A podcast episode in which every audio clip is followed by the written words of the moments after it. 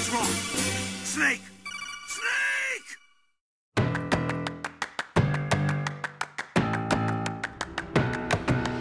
A, to się już nagrywa, hej. Witamy w ostatnim sezonie krzeseł, e, e, magicznych krzeseł kosmicznych. Co? Jak się nazywa ten podcast? Gorąco. Gorące. Słuchaj, kos kosmiczni kowboje już pogalopowali hen daleko, teraz pora, żebyśmy na nowo rozliecili ogień w krzesłach naszych odbiorców. Serwujemy jakieś chili czy E, coś? Kiedy, kiedy ostatni raz, e, kiedy ostatni raz e, mówiłem, że zaczynamy nowy sezon krzeseł, to sezon skończył się na dwóch odcinkach, więc teraz będę mówił, teraz powiem tylko krzesła wróciły. Mamy nadzieję, że się cieszycie tak jak my. Dzisiaj zebraliśmy się przy naszych mikrofonach w większym niż zwykle gronie, bo ja jestem Krzysiek Ceran i mam tu ze sobą Anię Aniszewską, Elo. Rafała Patatyna Lożki, mordeczki. i Kamila Borka. E, Ja tylko najpierw, zanim zaczniemy, chciałem się do czegoś przyznać, e, że byłem w kasynie i wydałem całe fundusze podsłuchane.pl, więc z ciężkim sercem e, muszę was wszystkich wylać z roboty. Nie podjąłem tej decyzji łatwo. Ale nie, to okej, zrozumiałe. To jest podcast growy. Jest cały... it makes sense. Rozumiem, chciałeś się wpisać w klimat, który panuje na, Tak. na scenie deweloperskiej w roku 2023. Chciałem się wczuć, chciałem, żebyśmy wszyscy się wczuli w to, jak to jest być w branży growej. Ja ci bardzo współczuję, jakby ja jestem totalnie po stronie wszystkich studio, one są tak biedniutkie, a ci pracownicy są tacy niewdzięczni, że to jest Prawda? po prostu obrzydliwe. No. Dobra, zebraliśmy się tutaj, żeby porozmawiać o Baldur's Gate 3, e, co oczywiście wymaga nakreślenia rysu historycznego. Seria Baldur's Gate zaczyna się w e, dawnych czasach, kiedy dinozaury krążyły po ziemi. E, Pierwsza część ukazuje się w 98 roku. Kiedy E, w Dungeons and Dragons grały tylko piwniczaki e, z brodami, e, niepopularne i e, z ograniczoną ilością przyjaciół. A nie... Kto miał brodę w gimnazjum? Jak to Rok, to, Rafał? rok Ja. później ukazuje się dodatek opowieści z Wybrzeża Mieczy. Rok później, w 2000 już ukazuje się sequel Baldur's Gate 2 Cienie Amnu, Amna. Amn. Nie, czekaj. Aha, to było Baldur. Hamna, hamna. Aha, czyli Tron Bala to był dodatek do Baldura dwójki. Dobra. Tak. Zawsze mi się wydawało, że to jest po prostu podtytuł samej dwójki. W każdym razie, 2001 jest dodatek i to właściwie kończy cykl. Potem była trylogia spin-offów Dark Alliance. Nie, nie trylogia, dylogia. Em, teraz ma wyjść trzecia część. Czy ona już wyszła? Miała fatalny zwiastun z muzyką pseudometalową. Serio? Ktoś, ktoś robi Dark, Dark Alliance, Alliance? 3. Parę lat Wow. temu był zwiastun. Dajcie temu umrzeć. W każdym razie, i to zasadniczo był koniec serii. E, 10 lat temu były podrygi, bo ukazał się remaster Baldur's Gate Enhanced Edition. E, Potem dwójka też go dostała. E, Nawet przy Enhanced Edition zastanawiałem się, Jezu, jak w to dało się grać. A po czym e, w 2016 ukazało się coś dziwnego, bo oto Baldur's Gate 1 otrzymał dodatek Siege of Dragonspear. E, Ja te... I teraz tak, twórcy. Oryginalne Baldur's Gate zrobiło BioWare. BioWare jeszcze zanim e, przedefiniowało RPG, robiąc z nich interaktywne filmy z Komandorem Shepardem, e, robiło klasyczne RPG, izometryczna perspektywa i tak dalej. To było zupełnie inne studio niż. Znaczy, to było zupełnie inne studio niż to, które potem robiło Kotory i Mass Effecty, które było zupełnie innym studiem niż to, które dogorywa teraz pod okiem. Kto jest ich właścicielem? To jest EA, prawda? EA, EA. morduje. Tak. Mhm. A, No i wydawało się, że to koniec historii Baldur's Gate, ale nie, bo oto e, nadszedł bohater z Danii, oni są z Danii? W każdym razie, nie, belgijski, belgijski bohater, e, niskiej ogóle- postury z wąsikiem. te Baldury, bo Enhanced Edition robił już Beamdog i nawet w Enhanced Edition oni dodawali dużo rzeczy od... Beamdog? Chyba dobrze mówię. Bimdog, dobrze mówisz. Tak, ale z, y, oni dodawali dodatek- bardzo dużo rzeczy od siebie i ten dodatek też oni zrobili. Jakby oni dodali bardzo dużo treści do Baldura już w latach dwutysięcznych. Tak, i to jest ostatni moment, kiedy, kiedy mówimy o studiu Beamdog, bo belgijski bohater, o którym mówię, to studio Larian, które w międzyczasie od 20-30 niemal lat e, robiło Um, RPG, że tak powiem, na, na boku, w swojej niszy, jakby wiem, że są fani cyklu Divinity, którzy są fanami tego cyklu jeszcze sprzed gier e, Original Sin. E, znaczy, ja ich nie znam, ale wiem, że są. E, no po czym zrobili e, Divinity Original Sin, które, że tak powiem, wybiło dziurę w tej niszy, w której dotąd tkwili i jakby więcej osób zwróciło na nich wtedy uwagę. Kilka lat później zrobili Original Sin 2 i to był ich przebój, który ich wyniósł na scenę, że hej, okej, okay, trzeba się zainteresować, co ci Belgowie mają do powiedzenia. E, I oni dostali cykl i zrobili trzecią część, która... Genera generalnie ten yy, Divinity Original Sin 2 miało udowodnić Wizardom, że są godni zrobienia gry w Dungeons and Dragons. A, znaczy nie, nie, mhm. wiem, nie wiem, czy z taką myślą Larian robił Original Sin 2, no ale na pewno, na pewno sukces tej gry. Nie mam tego nigdzie przekonać. na piśmie, ale z materiałów różnych internetowych mam w mojej, to jest mój headcanon, okay. że on, oni robili Divinity, żeby udowodnić Wizardom, że są godni zrobienia Baldura. Okej. Okay. Ja w ogóle, znaczy, ja nie jestem wielkim fanem Lariana, jakby po, tak naprawdę pierwsze, co grałem, to było pierwsze Original Scene, ale ja jestem fanem takich studiów jak Larian, bo mniej więcej na tym samym to samo podejście miało From Software, bo Larian jakby od 20 lat tworzy jakby grę w swoim gatunku i po prostu i po prostu ciągnie, ciągnie ją dalej, uczy się nowych rzeczy, dokłada nowe mechaniki, zostawia to, co działa, uczy się na tym, co zrobiło wcześniej i po prostu przez 20 lat ćwiczy ten swój gatunek i, i tworzy, tworzy nowe rzeczy po to, żeby w końcu stworzyć coś, coś z bardzo dużym mm, wpływem na branżę, na gatunek. Znaczy, to, nawet nie jest, to nawet nie jest tak, że Larian od 20 lat robi raz po raz tę samą grę, tylko ją nie, nie, nie. iterując, bo oni eksperymentowali. Oni robili bardzo dziwne rzeczy z cyklem Divinity. Jedna z tych gier to jest bodajże symulator smoka, który jest strategią czasu rzeczywistego. Jakby hmm. robili właśnie... różne rzeczy. To, to, jest to, co. Ja teraz właśnie jestem w trakcie oglądania retrospektywy serii Kingsfield, która jakby jest pierwszoosobowym RPG-iem, który ma bardzo dużo jakby punktów stycznych z potem Dark Soulsami. Jakby From też robiło mnóstwo rzeczy, jakby rzeczy z Armored Core, później jakby oryginalne Kingsfield miało być oryginalnie grą o mechach. Później, kiedy Kingsfield jakby stało się grą fantazji, E, i mogli zatrudnić trochę więcej ludzi, to zaczęli robić Armored Core o mechach. Mechaniki jakby z obu, e, później, jak, znaczy to nie to, że mechaniki, ale rzeczy, których się nauczyli jakby z obu serii. Później tworzą Demon Souls, Dark Souls i tak dalej. Więc jakby po prostu lubię studia, które właśnie mają tą instytucjonalną wiedzę, którą budują przez lata, a nie po prostu starają się gonić za jakimiś trendami, tylko po prostu kreują trendy poprzez skupianie się na tym, w czym są dobrzy i próbowanie być lepsi w tym, w czym już byli dobrzy. Bardzo szanuję to podejście w studiach, bo chyba teraz najbardziej nienawidzone studia to są te, które wypuszczają cały czas prawie tą samą grę, typu FIFA albo kolejne Asasyny, chociaż ponoć ten nowy jest, jest znośny.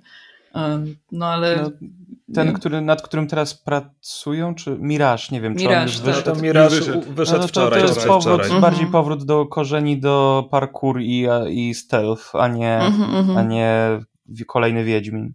Yeah. tak, i dlatego interesuje mnie niezwykle. Jest, jest mnie w ogóle mniejszy, da, da, się go skończyć. I Nawet mam koszulkę z Assassin's Creed dzisiaj. Dobra, e, w każdym razie za, niech ta historia zatoczy koło, więc e, to byli Belgowie z Lariana, i oni e, jakby udowodnili światu Original Sinem 2, co potrafią. Co więcej, Original Sin 2 spełdził dużo czasu w Early Accessie, kiedy jakby ten, ten opinie, opinie e, graczy i tak dalej bardzo pomogły im udoskonalić tę grę. I to jest system pracy, który im się tak spodobał, że e, wykorzystali go przy Baldurze III, który miał premierę w 2020 roku. W w rozmiarze, nie wiem, jednej trzeciej czy jednej piątej pełnej gry. Od trzech lat był Early Access e, gdzie gracze mieli dostęp do pierwszego aktu. Rafał, ty go przeszedłeś wtedy nie wiem ile razy. Um. Dwa pełne razy przeszedłem. Raz jak był, można było do czwartego poziomu wbić, albo trze trzeciego, albo czwartego poziomu. Później rozwinęli to do piątego poziomu, dodając paladyna.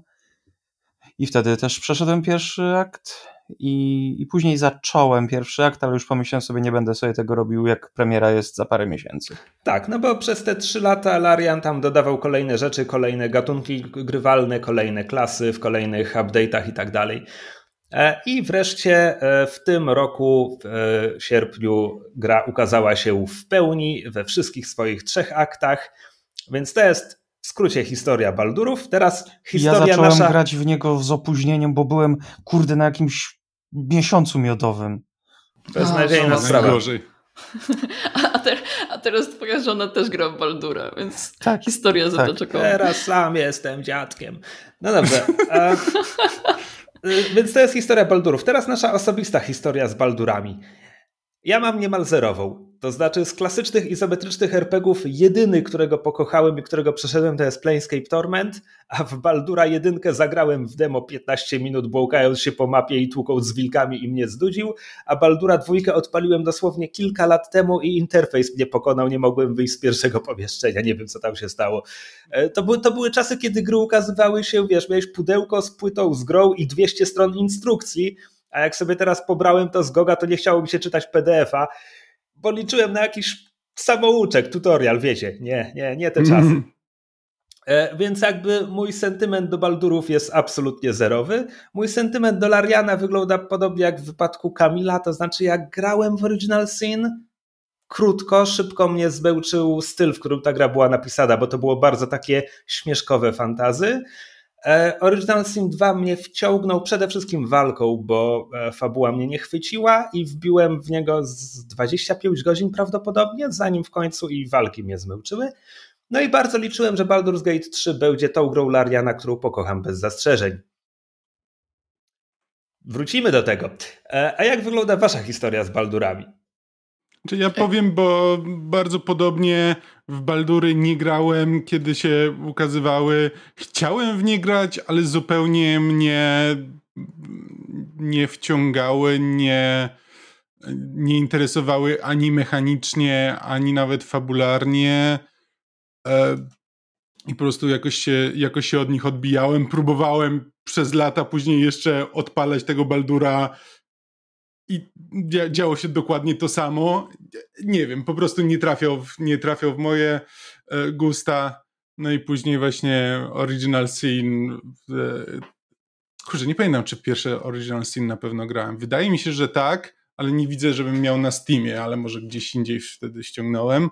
Z innego źródła. No, know. Być może miało czarną flagę i skrzyżowane piszczele? E, nie, jeśli to nie była gra na Xboxa 360, to już była duża szansa, że ją kupiłem, więc jakby może mam ją po prostu na jakimś gogu albo gdzieś. E, ale w Original Sin, ile ja tutaj pograłem? 35 godzin. E, w drugie w sensie Original Sin. I, I, dokładnie to samo, jakby podobało mi się fabularnie, eh, parę rzeczy było interesujących, walka mi się bardzo podobała, ale to nie wystarczyło, żebym dobrnął do końca. Ale w, wrócimy jeszcze przy Baldurze trzecim, jak to u mnie wygląda. Ty, czekaj, zajrzałem na Steamę. 32 e, godziny grałem w Original Sin 2. Nawet dłużej niż myślałem. Rację, bo ja przy, tam Opuściłem pierwszą wyspę, więc byłem chyba w drugim akcie w takim razie. No, no, opuszczenie pierwszej wyspy to jednak tro, trochę zajmuje. No dobrze. Rafał, jak wygląda twoja historia z Baldurami? Moja historia z Baldurami wygląda, wygląda tak, że e, zacząłem moją przygodę od Baldura dwójki, bo jakoś, no jak, jako, jakoś wcześniej mnie omijały tego typu gry. I wpadłem. Przeszedłem dwójkę, przeszedłem dodatek kilkukrotnie. Pamiętam, że były święta, a ja siedziałem przy stole wigilijnym z laptopem i grałem w Baldura. Znaczy, może nie w trakcie kolacji wigilijnej, ale u nas jak się stół rozstawiał na wigilię, to potem przez, przez trzy dni stał w salonie i po prostu się przy nim wymieniało. E, więc y, dwójkę z dodatkiem przechodziłem kilkukrotnie. Nigdy nie przeszedłem jedynki, ponieważ wtedy mi się wydawało, e, jaka, jakoś staro ta gra wygląda i nie mogę się zmusić, żeby w nią grać, e, więc nigdy do jedynki nie wróciłem. E, Lariany y, przeszedłem e, w, no, Original Sin 1 i 2 przeszedłem dwójkę przeszedłem dwa razy, jedynkę raz.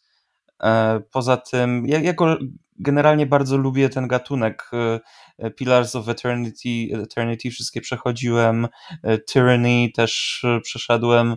Czy Tyranny nie, nie było też Lariana przypadkiem? Nie, nie, Obsidian. Nie, nie. A, Obsidian, dobra. Pomiędzy no, pierwszymi no, w każdym razie. Jest, je, jestem fanem gatunku. E, w Baldura, tak jak też mówiłem, trójkę Early Access przeszedłem dwa i pół raza. E, no i jak tylko mogłem, no to rusz, ruszyłem z drużyną e, na multi z moją świeżo upieczoną żonką. Po czym, jak doszliśmy do 12 levelu, już wymaksowaliśmy, byliśmy w połowie trzeciego aktu, to wyjechałem z wami na konwent i ona zaczęła grać singla i jak wróciłem, to powiedziała, że woli grać singla już. Więc to ja dobrze też rokuje temu małżeństwu. E, Friendship over with Rafał. No, Więc Baldur dwa razy, my best friend. Już pra, prawie dwa razy przeszedłem e, Baldura trójkę e, tak, już prawie dwa razy przeszedłem. Dobra, do tej kwestii też zaraz wrócimy, ile kto z nas ma na liczniku, ale jeszcze Aniu, jeśli mnie matematyka nie pomyliła, kiedy pierwszy Baldur's Gate się ukazał, miałaś roczek, więc zakładam, o, że jesteś fanką. Oczywiście, tak, to były moje pierwsze słowa. Nie, e, ja tutaj, y, ja dzisiaj w odcinku będę pełniła funkcję bardziej zaciekawionego laika, ponieważ w, nie grałam żadnego Baldura, mam Divinity na Steamie, bo dostałam od Toda dzięki Tod, ale nadal w to nie zagrałam i w Baldura także nie zagrałam, aczkolwiek znajomi streamowali mi go tyle, i tyle różnych jakby o, klas. Tobie i... się spodoba. Tak. To... I know. I właśnie to jest mój problem, bo ja wiem, że Baldur bardzo, bardzo mi się spodoba i on już mi się podoba z tego, co po prostu widzę, ale wiem, że jak w to wejdę, to to jest coś, co mnie po prostu wchłonie na przynajmniej na rok. Spokojnie na rok, bo jak zaczęłam grać w Dragon Age'a, to mnie jakby ta faza nadal trwa, ale e, to było w roku, jak zdawałam maturę e, miałam 260 godzin na jednym playthrough z Dragon Age Inkwizycji. E, I to bardzo źle wpłynęło na moją naukę. nie znałam ich w ogóle, aczkolwiek e, muszę magisterkę kończyć, więc przysięgłam sobie, że nie zagram Baldura, póki jej nie skończę, bo wiem, że to będzie koniec dla mojej produktywności. E, więc jakby jestem tutaj dzisiaj w odcinku, żeby wchłonąć wiedzę waszą oraz wrażenia i E, i je jakoś zaaplikować. Może macie jakieś gamerskie triki, które mi pomogą tutaj zabić wszystkich na pierwszym poziomie. Um. Dobra, no to tak, Rafał, przeszedłeś Baldura trzeciego w całości, to jest jeden playthrough, do tego masz rozgrzebane co dwa inne? Hmm, znaczy, jestem jeden skończony, w drugim mam, powiedzmy, jestem w połowie trzeciego aktu, i jeden rozgrzebany, jak, który zacząłem na Early Access, ale tego nie będę kontynuował. A wcześniej w Early A, ale nie, ale jeszcze niedługo akt pierwszy zacznę... dwa razy skończyłeś. Tak. E... Tak, dobrze. W, na... w, sumie akt pierwszy cztery razy już skończyłem. Okej, okay. wow. na zdrowie. E, na drugim końcu spektrum jest Ania, która ma na liczniku 0 godzin, 0 minut w Baldurze trzecim, więc Ale teraz... playthrough oglądała. Kamil, Kamil, my się musimy ustosunkować do tego. E, ty zacznij. Ile masz Baldura? E, czekaj, już patrzę na Steam. Generalnie mam 250 godzin. Ewidentnie to jest stały element gier Lariana, bo mam wbite 36 godzin. Czyli mniej więcej tyle, co w drugim Divinity. Widzisz, to się niemal zrównaliśmy, bo ja mam 35,5 godziny, czyli przekroczyłem granicę Original Sin 2 i dotarłem do momentu, w której walka już trochę zaczęła mnie męczyć, a fabuła wciąż nie chwyciła. Ups. A to może sobie wrzuć na taktyka. Na trudny, jeżeli walka cię. Dobra, nie wiem, co znaczy męczy. E, no dobrze. E, omówimy sobie wszystko po kolei. Zacznijmy może od e, o czym właściwie ta gra jest. Jest to epickie fantazy umieszczone w domyślnym świecie Dungeons and Dragons, czyli Forgotten Realms. Akcja toczy się 120 lat po wydarzeniach Baldura dwójki, co nie znaczy dla mnie nic. Um, a gra unika worldbuildingu na tyle, że, że to naprawdę znaczy dla mnie nic, bo mimo, że zagrałem w nią 30 godzin, to ja tam, tam nie ma świata. Tam jest las, w którym jestem, ale nikt nie mówi o jakiś. Poza tym, że wszyscy dążą do wielkiego miasta i jest mowa, że jest Baldur's Gate gdzieś tam, hen za horyzontem, to tyle. To, to, to, tam nie ma świata. Słuchaj, może dobrze, że nie ma, bo biorąc pod uwagę ilość kontentu, jaki jest w tej grze, i ile to jest wyboru i jakichś dodatkowych misji inne takie, to dodawanie do tego world buildingu może by zakopało wszystkich graczy, a przynajmniej graczy, którzy nie są zaznajomieni z tym Wiesz, ale ja nie, jest, ja nie jestem taki tego prosty, ja, ja potrzebuję więcej. romansu, ja potrzebuję haczyka, no niech a, ktoś mnie uwiedzie. Romansu. E, dobra. Jakby ja się Wydaje dziwię, mi się, że ty jest... nie masz tego world buildingu, bo tam naprawdę tego jest. Może no, jeszcze do tego nie doszedłeś. Podawał, będę podawał konkretne przykłady, natomiast no, jeśli po 35 godzinach wciąż nie doszedłem do world buildingu, to to jest dla mnie problem z grą, a nie ze mną. E, Jakby ale gra, mówię, gra nie zakładała przykłady. chyba, że będzie takim sukcesem, bo chyba bardziej zakładali, że jednak ludzie znający Forgotten Realms i Dungeons and Dragons do tego siadają. Bo, no bo wszyscy nie, przecież znają zdaniem, Forgotten Realms. I... Moim zdaniem to jest bardziej takie, że Larian do tego podszedł na zasadzie to jest generyczne fantazy i my go nie będziemy wyjaśniać. Po prostu będziemy wrzucać jakby nawiązania do pewnych rzeczy, ale one nigdy nie mają takiego znaczenia, że jeśli nie rozumiesz jakiegoś terminu, to nie wiesz, co się dzieje. Ale no jeśli dobrze. rozumiesz, czym jest generyczne fantazy, to, to się nie zgubisz. Jeśli, jeśli e, uchowaliście się pod jakimś kamieniem i chcecie wiedzieć, o co właściwie chodzi w grze Baldur's Gate 3, to w skrócie budzimy się na statku illitidów, czyli ośmiornicowatych humanoidów, mackowatych, złych telepatów, którzy nie wolą całe gatunki i kiedyś władali całymi światami, dopóki ich niewolnicy się nie zbuntowali i ich nie obalili. No i teraz są prawdopodobnie najbardziej znienawidzonym gatunkiem w tym uniwersum.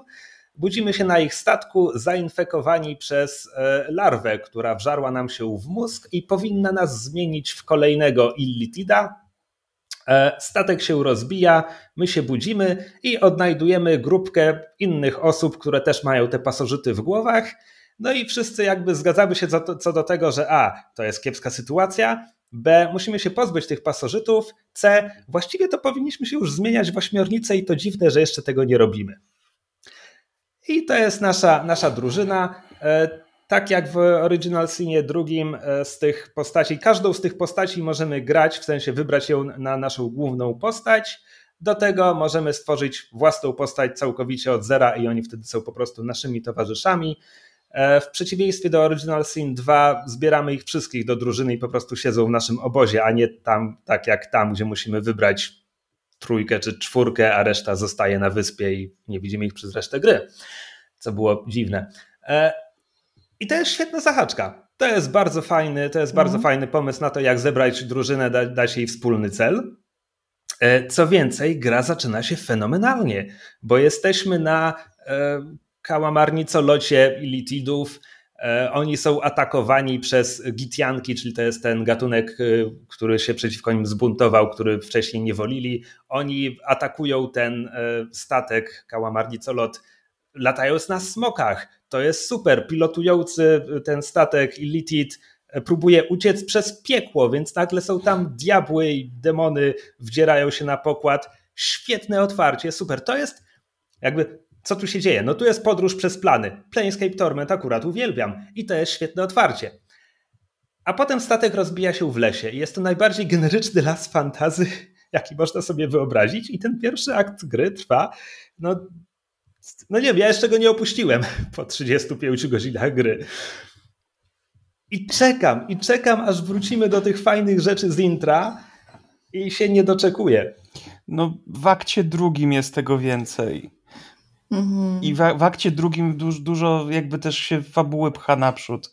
Jakby ja, ja, ja wiem, że jesteś do tego źle nastawiony, ale po prostu. Ja byłem bardzo pozytywny. Rafał, ale ja byłem bardzo pozytywnie nastawiony, już... ale 30 godzin to jest kurde. Nic dużo ode mnie wymagają. Grze. To jest całe dyskwalifikacja. 30 godzin się spędzało, żeby przejść pierwszy akt w Early Accessie. A Early Access e, zawierał podmrok? Tak. Okej. Okay. Znaczy, no, znaczy, ja rozumiem, że taka jest te, taka jest specyfika znaczy, gatunków. rozumiem, że taka jest intencja twórców. Mi się ta intencja nie podoba. Tak, to jest, te, też trochę tak mam, że jakby łażenie po lesie i wykonywanie losowych questów e, inaczej. Ja nie mam nic przeciwko. Jakby zazwyczaj ja jestem osobą, która zbiera sidequesty. E, gra, grałem teraz w Cyberpunka. E, jak, jak mi się gra spodoba, to właśnie to zbieram sidequesty, ale to nie jest tak, że muszę najpierw przez 30 godzin wykonywać sidequesty po to, żeby dojść do głównej fabuły, tylko główna fabuła jakby przeplata się z tym. Kiedy zaczyna mi się nudzić jakby robienie pobocznych historii, które nawet, które same w sobie są ciekawe, jakby zarówno w Cyberpunku, jak i w Baldurze. E, to, ale czasami po prostu mam taką ochotę, że chciałbym wrócić do, do tego mięsa tej fabuły i na przykład w Cyberpunku mogę po prostu podjąć decyzję, że ok, teraz wracam do głównego wątku fabularnego, a później porobię sobie sidequesty. No Baldur jest zbudowany tak, że jakby te pierwsze 30 godzin to jest tutorial. I to jest właśnie na mhm. zasadzie jesteś właśnie w świecie generycznym fantazy, poznasz trochę ludzi, oni ci powiedzą na zasadzie pójdź tutaj, zrób coś dla mnie, albo tu jest taki problem. Te historie są ciekawe, ale one nie łączą się w większą całość. Tak, e, szeroką sieć na... jakby questów trzeba najpierw zebrać, żeby to jakby pomału później się zaczęło łączyć, ponieważ na, nawet te znaczy questy, tak, questy towarzyszy się... są, są bardzo rozbudowane i długie i dopiero w trzecim akcie mają jakąś konkluzję. Gra ukazała się dwa miesiące temu, więc chyba możemy swobodnie spoilerować, jakby kto, chcia, kto chciał już przeszedł. Y, pytanie, e... czy Ania, Ania nie chce... Czy ja chciałam i nie przeszłam, ale możecie spoilerować, bo no mówię, jestem na serwerze, gdzie co druga osoba mhm. grała w Baldura. Znaczy, Kamil, Wszyscy Kamil... jarają się postaciami co chwilę, ja już wiem wszystko. E, Kamil i ja i tak nie możemy spoilerować za daleko. Kamil, ty w ogóle dotarłeś do drugiego aktu? Tak, ja zacząłem drugi akt. Jakby Mamy tyle samo godzin na liczniku. Jak to zrobiłeś? Jestem po prostu lepszy. I'm okay. built different. Może, może czyta mniej książek yy, znalezionych w skrzyniach. To na pewno. Zdradzę ci sekret, nie czytam tych książek. Jakby o. prześlizguję się po nich wzrokiem, ale jeszcze nie, nie znalazłem takiej, która by mnie zainteresowała. To i tak więcej niż ode mnie. E, to znaczy, e, na pewno e, moje, moje 35 godzin to nie jest czysta progresja, bo tam jest godzina, kiedy po zakupie gry odpaliłem na szybko, żeby, wiecie, Steam daje dwie godziny, żeby się zorientować, czy gra się wam spodoba, czy nie, więc nie chciałem spojrzeć tych dwóch godzin w kreatorze postaci, więc po prostu wybrałem Lazel, rozpocząłem grę i jakby upewniłem się, że gra mi działa, więc to była godzina. No a potem są walki, które musiałem rozgrywać po parę razy. Co najmniej jeden raz, kiedy Larian wprowadził jakiś hotfix, który rozwalił savey i wtedy straciłem cały wieczór gry i musiałem go robić jeszcze raz. Jakby uzbieramy tutaj pewnie jeszcze tak z 5 godzin, więc pewnie takiej czystej progresji w grze tam mam 28-29 godzin. Co oznacza, że zszedłem do podmroku dopiero co po oczyszczeniu y, powierzchni i tam jeszcze niewiele zrobiłem. E, no dobrze, konkretnie. Kałamarnica się rozbiła, gra się zaczyna, jest to e, typowe RPG. Mechanicznie są to Dungeons and Dragons piąta edycja z usprawnieniami i pewnymi, pewnymi e, twistami. E, wszystkie usprawniają tę grę. To mhm. nie jest może moment, żeby rozmawiać o wadach, wadach, wadach i zaletach i wadach Dungeons, Dungeons i Dragons 5, ale jakby Jak Larian sprawia tę mechanikę. I will fight you. E, znaczy, no ale, ale jakby wiesz, masz, masz co, sto kilkadziesiąt godzin w Baldurze trzecim. Widzisz w jaki sposób mechanicznie ta gra różni się od dedeków, prawda? Mamy 250 godzin. Przepraszam, masz 250 godzin. E, tak, tak, różni się zdecydowanie, tak. Ale, ale będę się z tobą bił o, o to, że Dungeons and Dragons nie jest najgorsze. No to znaczy, pewnie są gorsze RPG po prostu. Dungeons and Dragons, trzecia edycja. E, nie, mówię, to, to nie jest miejsce na to. W każdym razie e, krążymy sobie po lesie, e, gadamy z postaciami, no a kiedy dochodzi do walki, rozpoczyna się turowa walka e, RPGowa która początkowo bardzo mi się podobała. Po czym miałem dokładnie ten sam ark co z e, Original Sin 2, gdzie ta walka na początku bardzo mi się podobała, a potem w pewnym momencie dotarło do mnie, że okej, okay, no fajnie, niby mam dużo opcji i strategię i tak dalej, ale jednak ta, ta, ta cyferka wyznaczająca poziom moich postaci i przeciwników, kurde, decyduje prawie o wszystkim. I jakby to, to, tak naprawdę jest to niemalże level gating, na zasadzie, że jestem w stanie wygrać walkę z przeciwnikami, którzy są poziom wyżej ode mnie, prawdopodobnie, jeśli podejdę do tego parę razy i będę dużo korzystał z przedmiotów, ale dwa poziomy wyżej to już umarł w butach, mowy nie ma. E, a z kolei, a z no. kolei jeśli walczę z przeciwnikami, którzy są dwa poziomy niżej ode mnie, to zamiatam nimi podłogę i tam jakby nie mogą mi zagrozić. Czy mówisz, że w, sensie nawet jeśli masz, czy że poziom jest tak bardzo decydującą kwestią, że nie wydaje ci się, że gdybyś był jakby lepszy w strategię, to nie byłbyś w stanie ich pobić? Wydaje mi się, że nie. Mówię, jakby moje największe strategiczne sukcesy w Baldurze III to było, kiedy y, wal, walka z gitiankami blokującymi drogę na, na przełęcz, kiedy moja drużyna była na czwartym poziomie, bo tam chyba dwoje głównych przeciwników jest na piątym, a ich dwóch czy trzech pomagierów jest na czwartym. I to była walka, gdzie podchodziłem ze dwa razy i jakby kiedy, kiedy ich pokonałem, tych przeciwników poziom wyżej ode mnie, to miałem takie, okej, okay, uff, udało się. Znaczy, ja tutaj powiem, że ja w pewnym momencie e, wpadłem w taką sytuację, że e, wynikało to z tego, że nie zrozumiałem do końca sytuacji, bo jest, jest w pewnym momencie taki encounter z dwergarami i tam jest wielki zły, który wychodzi i ja zaczynałem go atakować, jak on tylko wychodzi. Na zasadzie, że nie chcę marnować żadnego czasu, e, atakuję od razu. No i nagle mam, wiesz, mam jego i mam masę dwergarów, którzy wszyscy mnie atakują i, i jest ich zdecydowanie za dużo, nie jestem w stanie, nie jestem w stanie tego wygrać. E, Duergarowie, Boże, dla nieobeznanej A, z tymi realiami publiki, e, to są złe, mroczne krastoludy, które żyją pod ziemią. Znaczy, myślicie, że krastoludy zwykle żyją pod ziemią, ale one żyją głębiej, bo są złe. Nie, bo są w podmroku. A wszyscy w e, podmroku są źli, jak wiadomo. No, generalnie tak. I e... dlatego nie przepadam za tym worldbuildingiem. E, więc, więc zacząłem, zacząłem wtedy zmieniłem grę, bo zacząłem grać w Hitmana. Bo y, stworzyłem familiara kota, który e, miałczał, miałcząc ściągał ludzi, odciągał ludzi jakby od tej głównej grupy. Wtedy e, ja brałem Karlach, która podchodziła do nich od tyłu i wpychała ich w przepaść, kiedy nikt nie widział. I wyczyściłem tak całe pomieszczenie, i dopiero potem aktywowałem ten event, kiedy zły wychodzi i już pokonałem resztę. Co jak się później zorientowałem, było zupełnie niepotrzebne, bo ja nie zrozumiałem tego eventu, bo gdybym najpierw porozmawiał z tym złem, to bym się zorientował, że część tych duergarów sprzeciwia się przeciwko niemu i tak naprawdę, jeśli się ten event, jeśli się cutscenkę odegra, to nie walczysz ze wszystkimi, walczysz z połową, a druga połowa jest po twojej stronie. Więc zabiłeś niewinnych. O, o. Ups. Znaczy, znaczy to jakby od razu, Rafał, bo ty mówisz, że jestem nastawiony jak najgorzej do tej gry. To, to nie jest prawda. Jakby ja doceniam bardzo wiele rzeczy, które ona, które ona robi. E, przede wszystkim, co to jest? To jest RPG w duchu tradycyjnych RPGów. Jakby nie jest izometryczny, bo jakby jest w pełne 3D i w ogóle.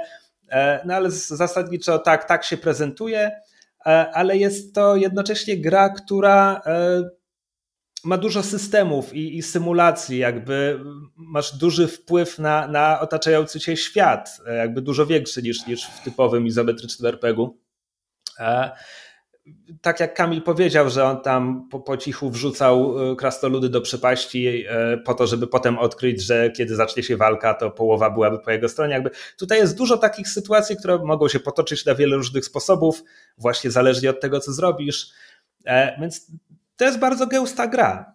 Tak, e, jest tutaj bardzo wiele rozgałęzień i może po prostu mam pecha, że droga, którą idę przez tę grę jest dla mnie niesatysfakcjonująca. Wydaje Właśnie... mi się, że wybieram rzeczy, które będą ciekawe, żeby potem odkryć, że ostatecznie mnie nie interesują. Być może gdybym dokonał innych wyborów, to jest właśnie problem z tak gigantyczną grą. Jakby moje doświadczenie mhm. tych 35 godzin jest prawdopodobnie zupełnie inne od twoich 250 godzin. Znaczy, ja jestem zdziwiony, że ty na czwartym poziomie rzucałeś się na githianki na przykład.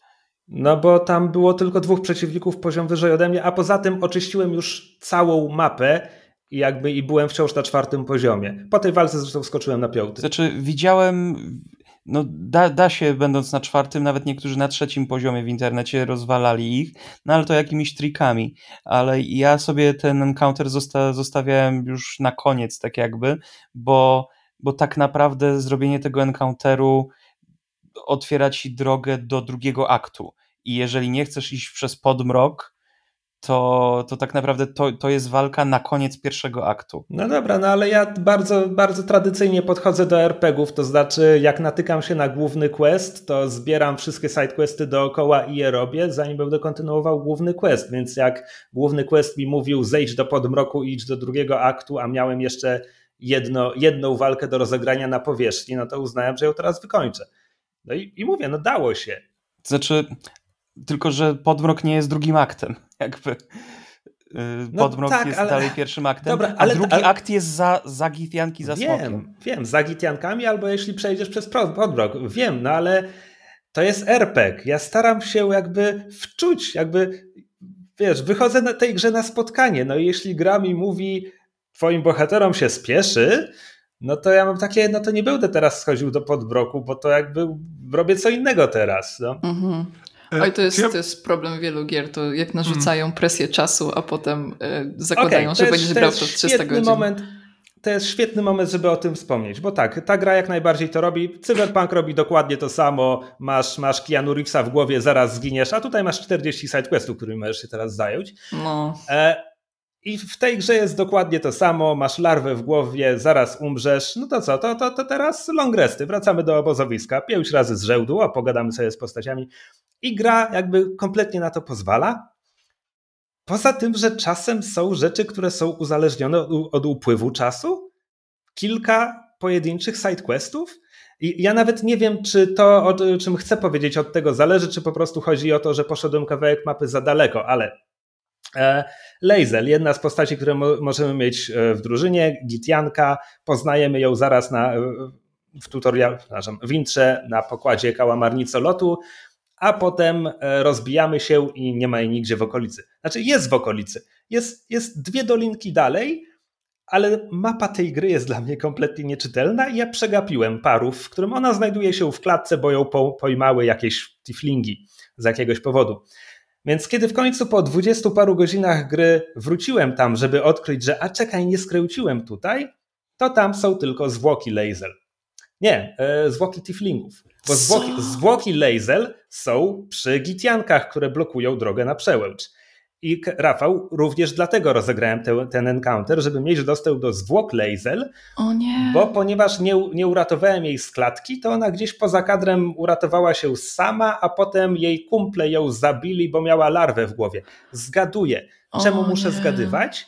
Bo, ja nie rozumiem tej decyzji, po pokonaniu Gitianek mogę użyć zwoju wskrzeszenia na zwłokach Lazel, która się wskrzesza i to jest tak, jakbym ją normalnie zrekrutował. W sensie nie ma odniesienia do tego, że ona właśnie nie żyła, a ja ją wskrzesiłem. Ona po prostu jest tam, o hej, tak, to ty, widzieliśmy się na statku, masz larwę w głowie, zajmijmy się tym problemem. Wiesz, ja mam, oni, ja mam teraz takie, coś takiego się stanie. Czyli ty, ty szedłeś Aniu, mapą po prostu mogli... przed siebie. Aniu, poczekaj, Rafał. Okay. Jak mogli nie zakładać, że coś takiego się stanie, skoro zaprogramowali tę grę tak, że ona ucieka że ona z tej klatki, mm -hmm. żeby zginąć w tej walce? To mnie dziwi. Jakby, nie wiem, zwoju, nie spodziewali się zwoju rezurekcji, którego można użyć na jednej z głównych postaci? I don't know. Dziwne podejście, to zgadzam się z tym. Znaczy, to jest dla mnie strasznie dziwne, że w ogóle jest ta możliwość, że ona ucieknie z klatki i potem nie ma jakichś dialogów, które się odnoszą do tego alternatywnego sposobu na rekrutację, który jest jak najbardziej możliwy. Ja nie wiedziałem, że tak można, bo nie wiedziałem, wiesz, na różne sposoby przechodziłem, ale raz nigdy mi się nie... Ja po prostu odkrywam na mapę... Na pewnie nie wyobrażasz sobie, że można ją koliście. Odkrywam mapę po trochu koliście, a nie po prostu idąc w jednym kierunku, zostawiając nieodkryte rzeczy za sobą. Ale Rafał, skaczemy trochę z tematu na temat, ale interfejs tej gry ma dużo wad. I jak dla mnie jego mapa, mapa, minimapa świata odkrywa odrobinkę więcej niż tak naprawdę widzisz na ekranie. A co więcej, to nie jest tak, że mapa to jest prostokąt, który odkryjesz cały. Bo jak sobie odkryjesz wszystko na powierzchni, to zostajesz z takim nieregularnym kształtem, taką plamą na, na tle czerni, więc tak naprawdę mhm. nie, trudno wywnioskować z tego, że masz już wszystko lub nie masz jeszcze wszystkiego, mhm. no bo w tradycyjnym RPG-u to, byłby, to byłaby prostokątna mapa, widzisz ją już całą, to znaczy, że odkryłeś całą mapę. A tutaj mhm. to jest rozlane, po prostu zawieszone w przestrzeni i naprawdę nie widać z tego, że tam jest kawałek, którego nie odkryłeś.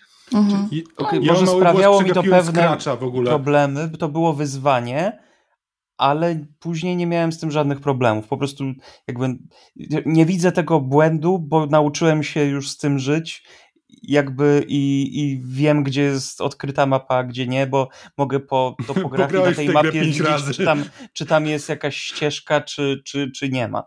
Znaczy, w Dragon Age'u mapy też były nieregularne yy, i po prostu było widać poza. Yy, tam, tam, gdzie nie da się dojść, po prostu była inna tekstura, że po prostu to są góry, nie wchodź tam.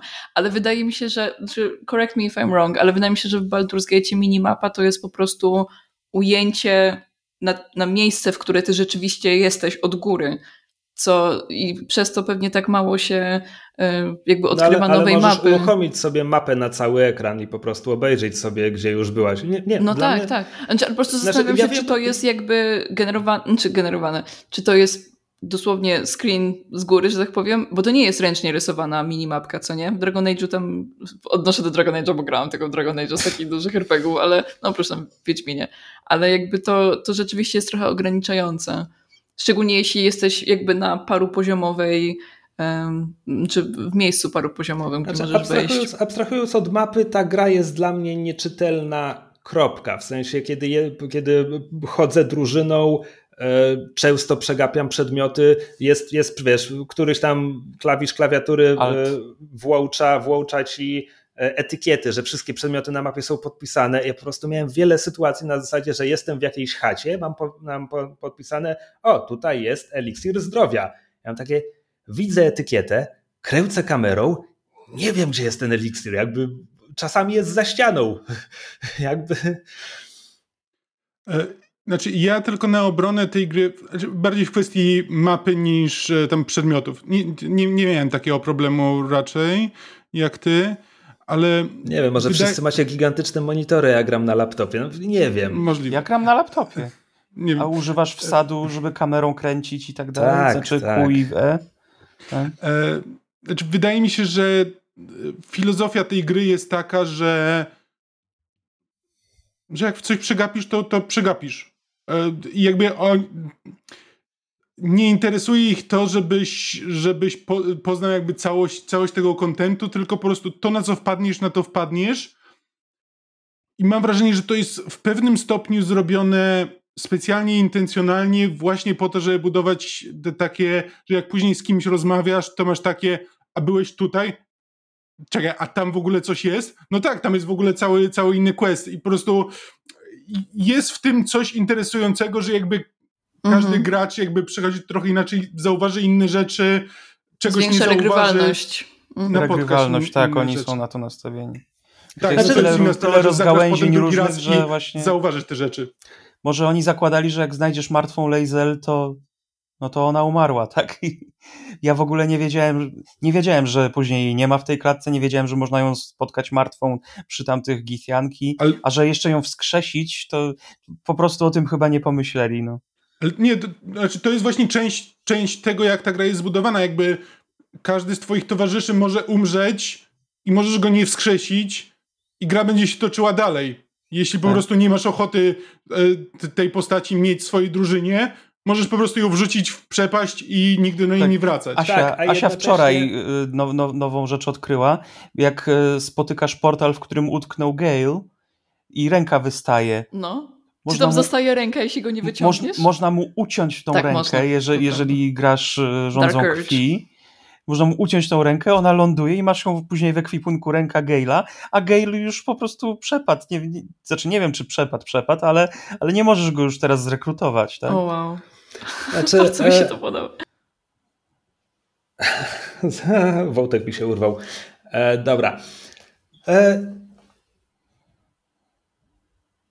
nie, nie, Wołtek urwał się kompletnie. E, przejdźmy do in, innego tematu w takim znaczy, razie. Gra, gra jakby mam wrażenie nie zakłada, że, że ją robisz platynę, że ją stuprocentujesz podczas jednego przejścia, że wszystko zrobisz, bo ewidentnie jakby robienie wszystkich możliwych side questów raz leveluje cię bardzo szybko i już na początku trzeciego aktu masz dwunasty poziom i jakby finały wszystkich, wszystkich głównych questów i towarzyszy i tak dalej robisz na tym dwunastym poziomie i tak naprawdę już się nic nie zmienia w, w, budowie twojej postaci. No wiadomo, legendarne przedmioty zaczynają wpadać, to, to dużo zmienia, ale ale brakuje mi tych paru dodatkowych poziomów, albo tego, żeby te, te poziomy rozciągnęli tak, żeby starczyło ich do końca. Przypomniało mi się, co chciałem powiedzieć. E, więc tak, tutaj jest bardzo wiele iteracji wydarzeń, tego, tego w jaki sposób będziesz przejść historię tej gry i czasami bardzo widać szwy, gdzie Larian po prostu mówił, ok, ok, ale mm. żeby, żeby dojść do tej gry, no to ok, jak by to zrobili? Przykład. Jest sobie Shadowheart. Shadowheart jest elfką, kapłanką Shar. Czy gra nam powie, kim jest Shar? Nie do końca, ale to chyba złe bóstwo. Yy, powie. E, w tak, każdym powie, razie... cały duży quest. Z... Znaczy... Główny wątek ciągnie się przez świątynię Szar. Tak, ja, wie, ja wiem o tym, że później jest cały w ogóle wątek o Szar, ale jedne z moich pierwszych rozmów z, yy, z Shadowheart polegała na tym na zasadzie nie przeszkadza ci to, że jestem wyznawczynią Szara? Ja mam takie e, powinno? Szar to ona. Okej, okay, Szar. No właśnie. Ale zakładam się, że jest tam wtedy jakiś rzut na religię albo historię i albo wiesz, albo nie, tak? Znaczy, no, tle tro, prawdopodobnie jest, był rzut na historię. Jeśli, znaczy, to trochę to jest bez sensu, jeśli ona po prostu mówi, że na zasadzie no większość osób na mnie reaguje negatywnie. Gdzie nawet jakby rzut na historię powinien polegać na tym w takim razie jakby jakichś szczegółach tego, czym jest szar, a nie, że to jest złe, jakby bóstwo, które jest przez większość ludzi postrzegane jako złe. Nie, bo to wiedza powszechna niby, nie? W sensie chyba, zakładam, nie wiem, bo no mi bo znajomi powiedzieli, że Shar jest zła.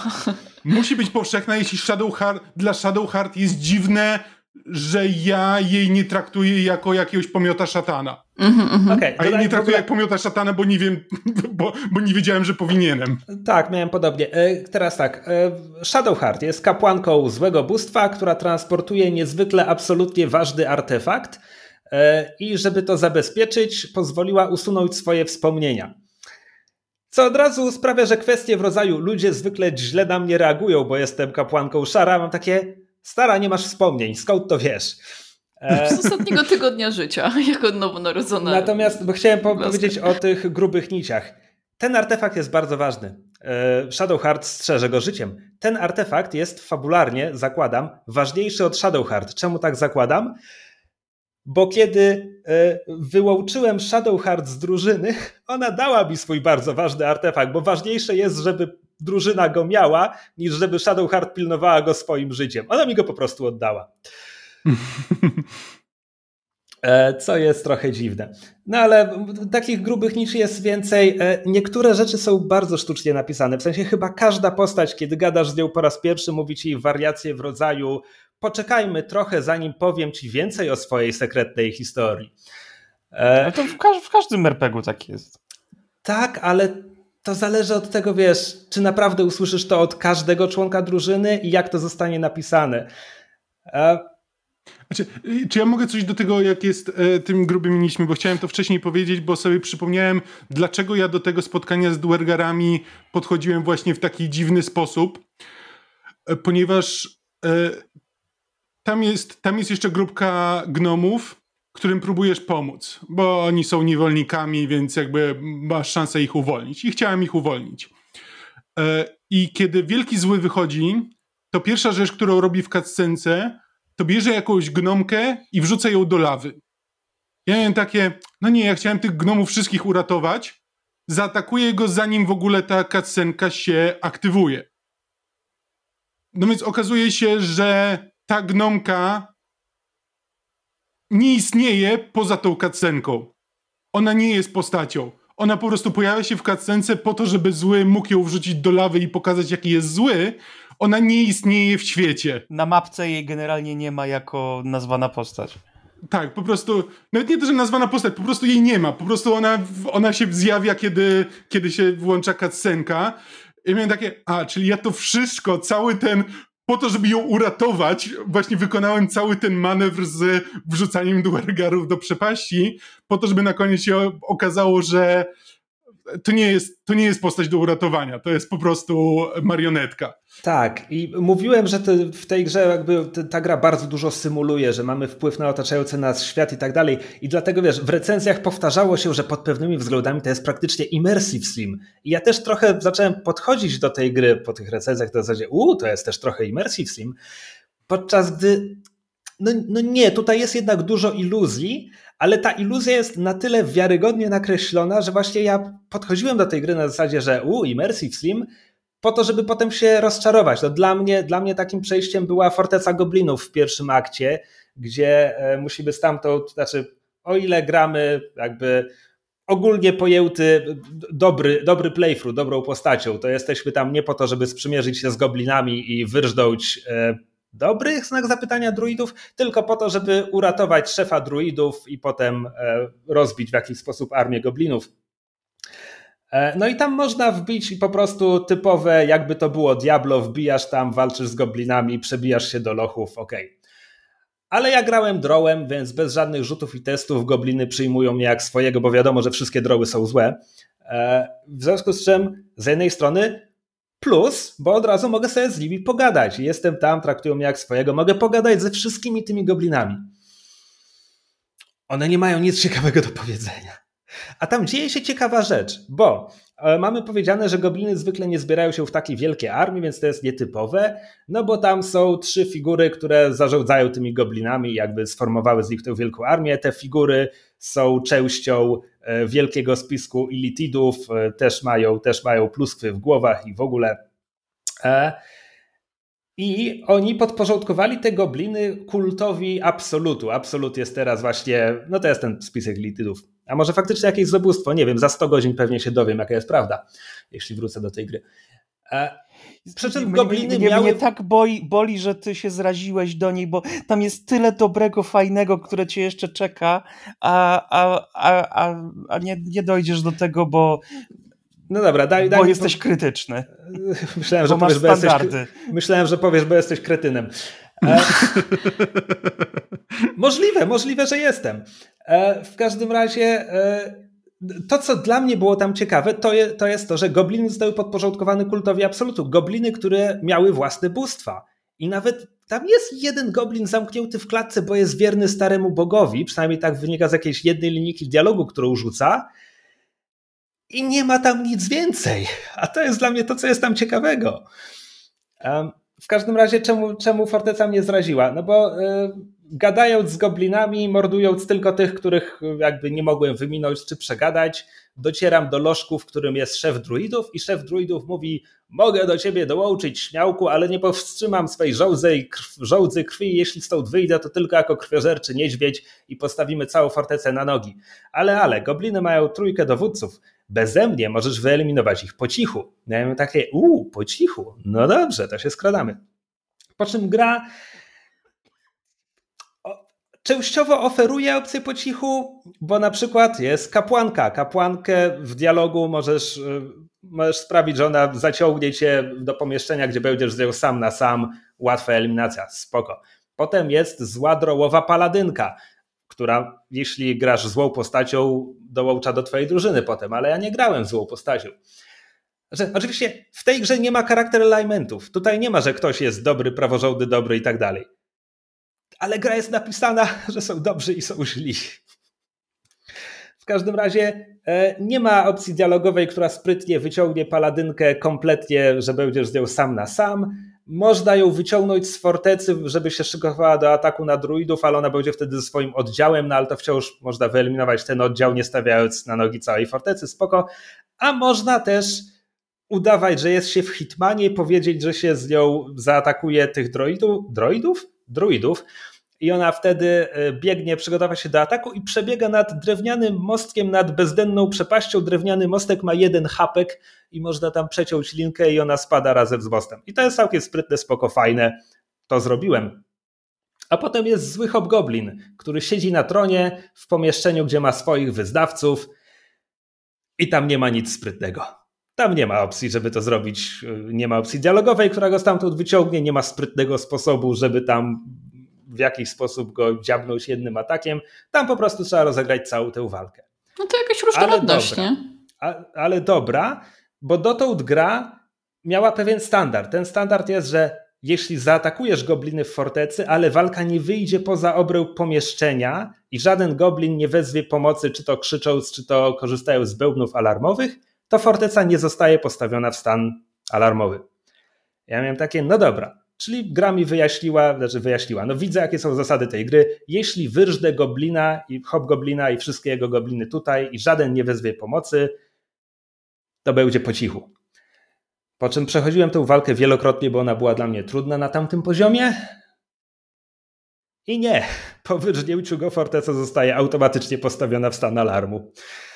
Wbrew jakby zasadom, które gra zaprezentowała nam wcześniej. E, po czym miałem takie, no dobra, ale już wyrżnąłem dowódców, to już tylko muszę wrócić po Halsina, bo on czeka tam na mnie w lożku. Zapomniałem, gdzie jest loszek. Mapa jest dla mnie nieczytelna, więc jeszcze tam się błądziłem. Trochę się skradałem, nie udało mi się skradać. Musiałem walczyć z goblinami, bo, bo nie udało mi się przekraść, żeby wrócić do lożku, gdzie Halsina nie ma, bo on z automatu idzie do kręgu druidów. Gra o tym nie mówi w żaden sposób. Jakby, jeśli mm. chodzi o to, że się sfrustrowałem i zraziłem do gry, Rafał, to to był szczyt mojej frustracji, a to było 15 godzin temu, 15 godzin rozgrywki. Jakby grałem w nią dalej. Mm -hmm. So you just suck at this game.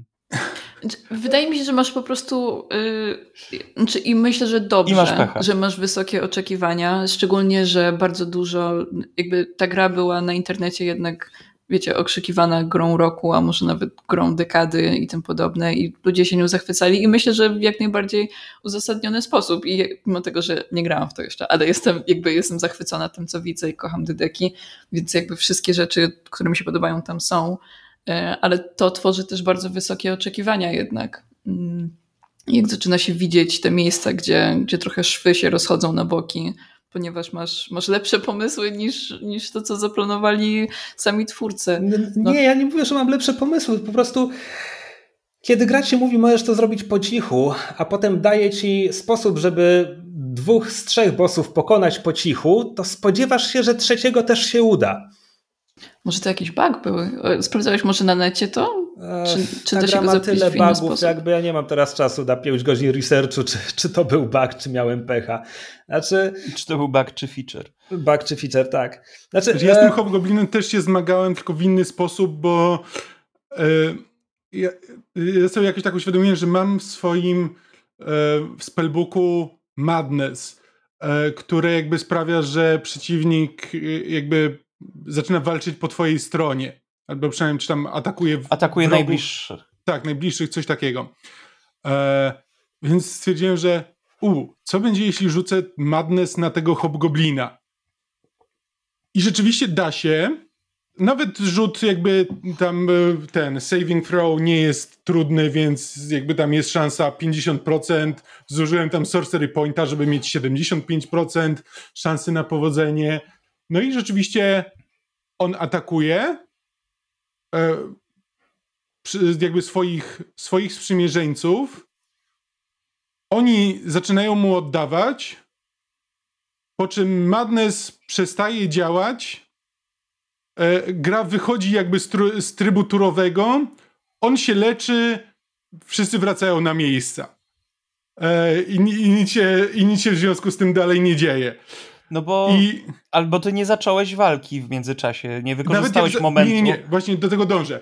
Potem właśnie na zasadzie, okej, okay, w takim razie ja dołączę do tej walki, żeby właśnie nie, nie wychodziło mi z trybu turowego, żeby przynajmniej te obrażenia, które mu zadadzą, to jest jakby już początek tej walki, dobry początek walki, przynajmniej on mnie przez pierwszą turę nie atakuje, daje mi to przewagę.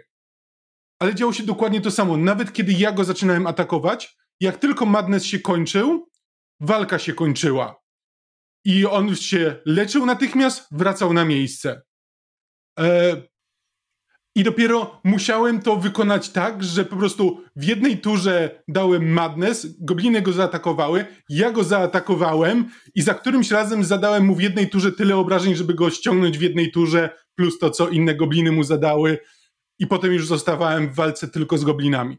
Ja też nie wiem, co tam się wydarzyło, czy to był bug, czy po prostu jakoś dziwnie te systemy, jakby to Madness jakby nie traktuje go jako wroga, więc kiedy e, efekt Madness się kończy, to on przestaje być jakiś po prostu mam wrażenie, że tam jakieś dziwne systemy na siebie tak nachodziły, że po prostu coś dziwnego się tam działo. To, to, co zrobiłeś, to by było coś, co, co bym próbował robić jako tester, próbując popsuć grę.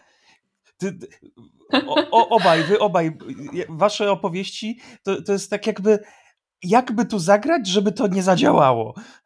To po prostu naprawdę, wiesz, ale Rafał, czyli wiem, może inny playthrough. Czy, czyli gra ma działać po prostu tak, że zawsze wbijasz na rympał i. Wiesz, no, no wiesz, mam czar, który ten, działa na tego hobgoblina. Nie ma, gdyby mi powiedziało na przykład, wiesz, że on ma po prostu, nie wiem, nawet gdyby to była kwestia tego, że on ma tak wysoki, nie pamiętam na co jest saving throw, wisdom powiedzmy, że ma tak wysoki wisdom, że praktycznie nie ma szans, to, to bym tego nie próbował nawet zrobić. E, gdyby po prostu gra stwierdziła, że no madness działa tylko na szeregowych wrogów, nie działa na bossów, też bym nie próbował tego zrobić, ale jakby jest to ewidentnie coś, co można wykorzystać, tylko po prostu i to, ja nie mówię tego nawet jako wada, to jest po prostu, wiesz, to jest coś, tak, to jest taki przypadek, który bardzo trudno przetestować, jakby to jest bardzo konkretna rzecz w bardzo konkretnej sytuacji. No po prostu jakby gra ma swoje quirki, jakby jest zbudowana tak, żeby właśnie dużo rzeczy było możliwych. W związku z czym zachęca cię do próbowania różnych nowych rzeczy, które jakby no czasami działają, czasami nie i właśnie czasami wychodzą na wierzch dziwne szwy. To nie jest wada tej gry, jakby to nie jest, to nigdy nie jest coś, co ja bym powiedział na zasadzie, wiesz, e, leniwi deweloperzy powinni byli o tym pomyśleć e, i źle zaprogramowali tę grę, skoro ja nie mogę tego zrobić.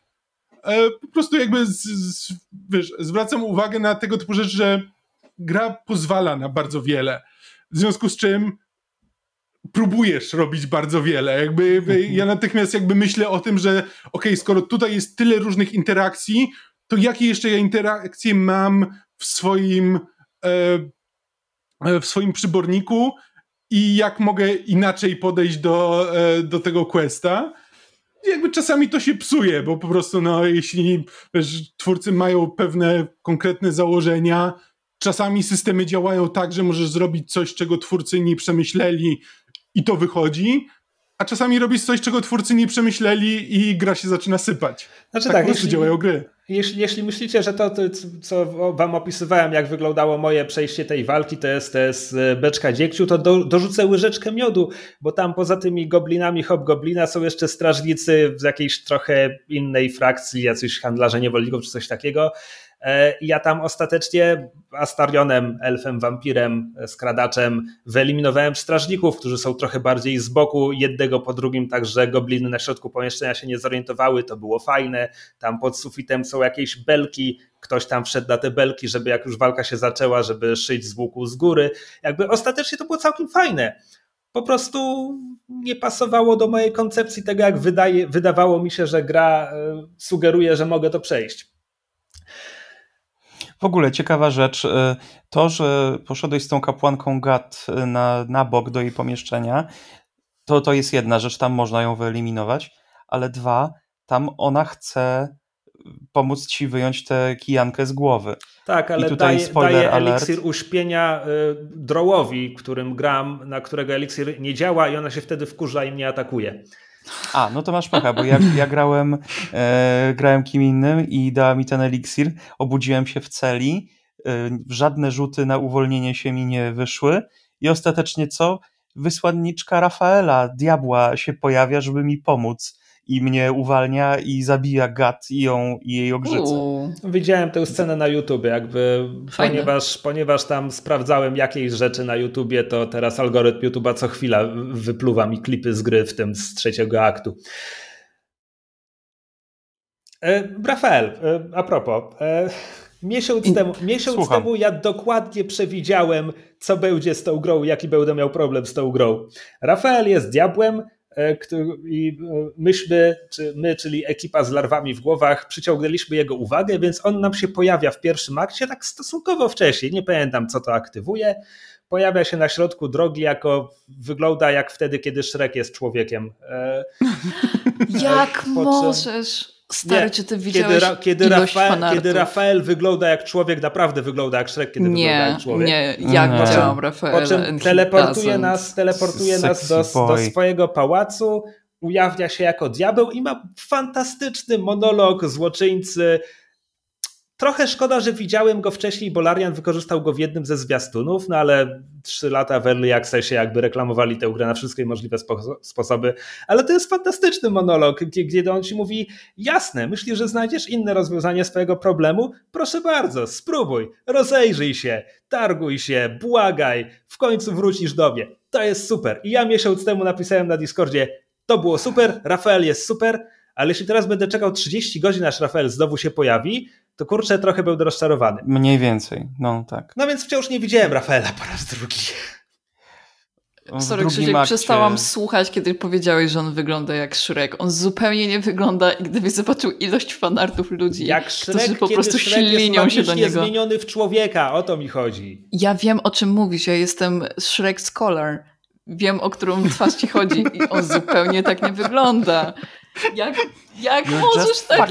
Dla odmiany myślałem, że, że powiesz szrekoholik albo szrekosexual. to pasuje. Ale nie, y, in all seriousness, y, ja widzę bardzo dużo y, jakby fanartów z tej gry, więc jestem w stanie tutaj, wiecie, moje statystyki prowadzić, kto jest najbardziej hot i tym podobne. Rafael myślę, że ogóle... jest w pierwszej trójce najczęściej simpowanych postaci, że tak powiem. I nie, no, generalnie.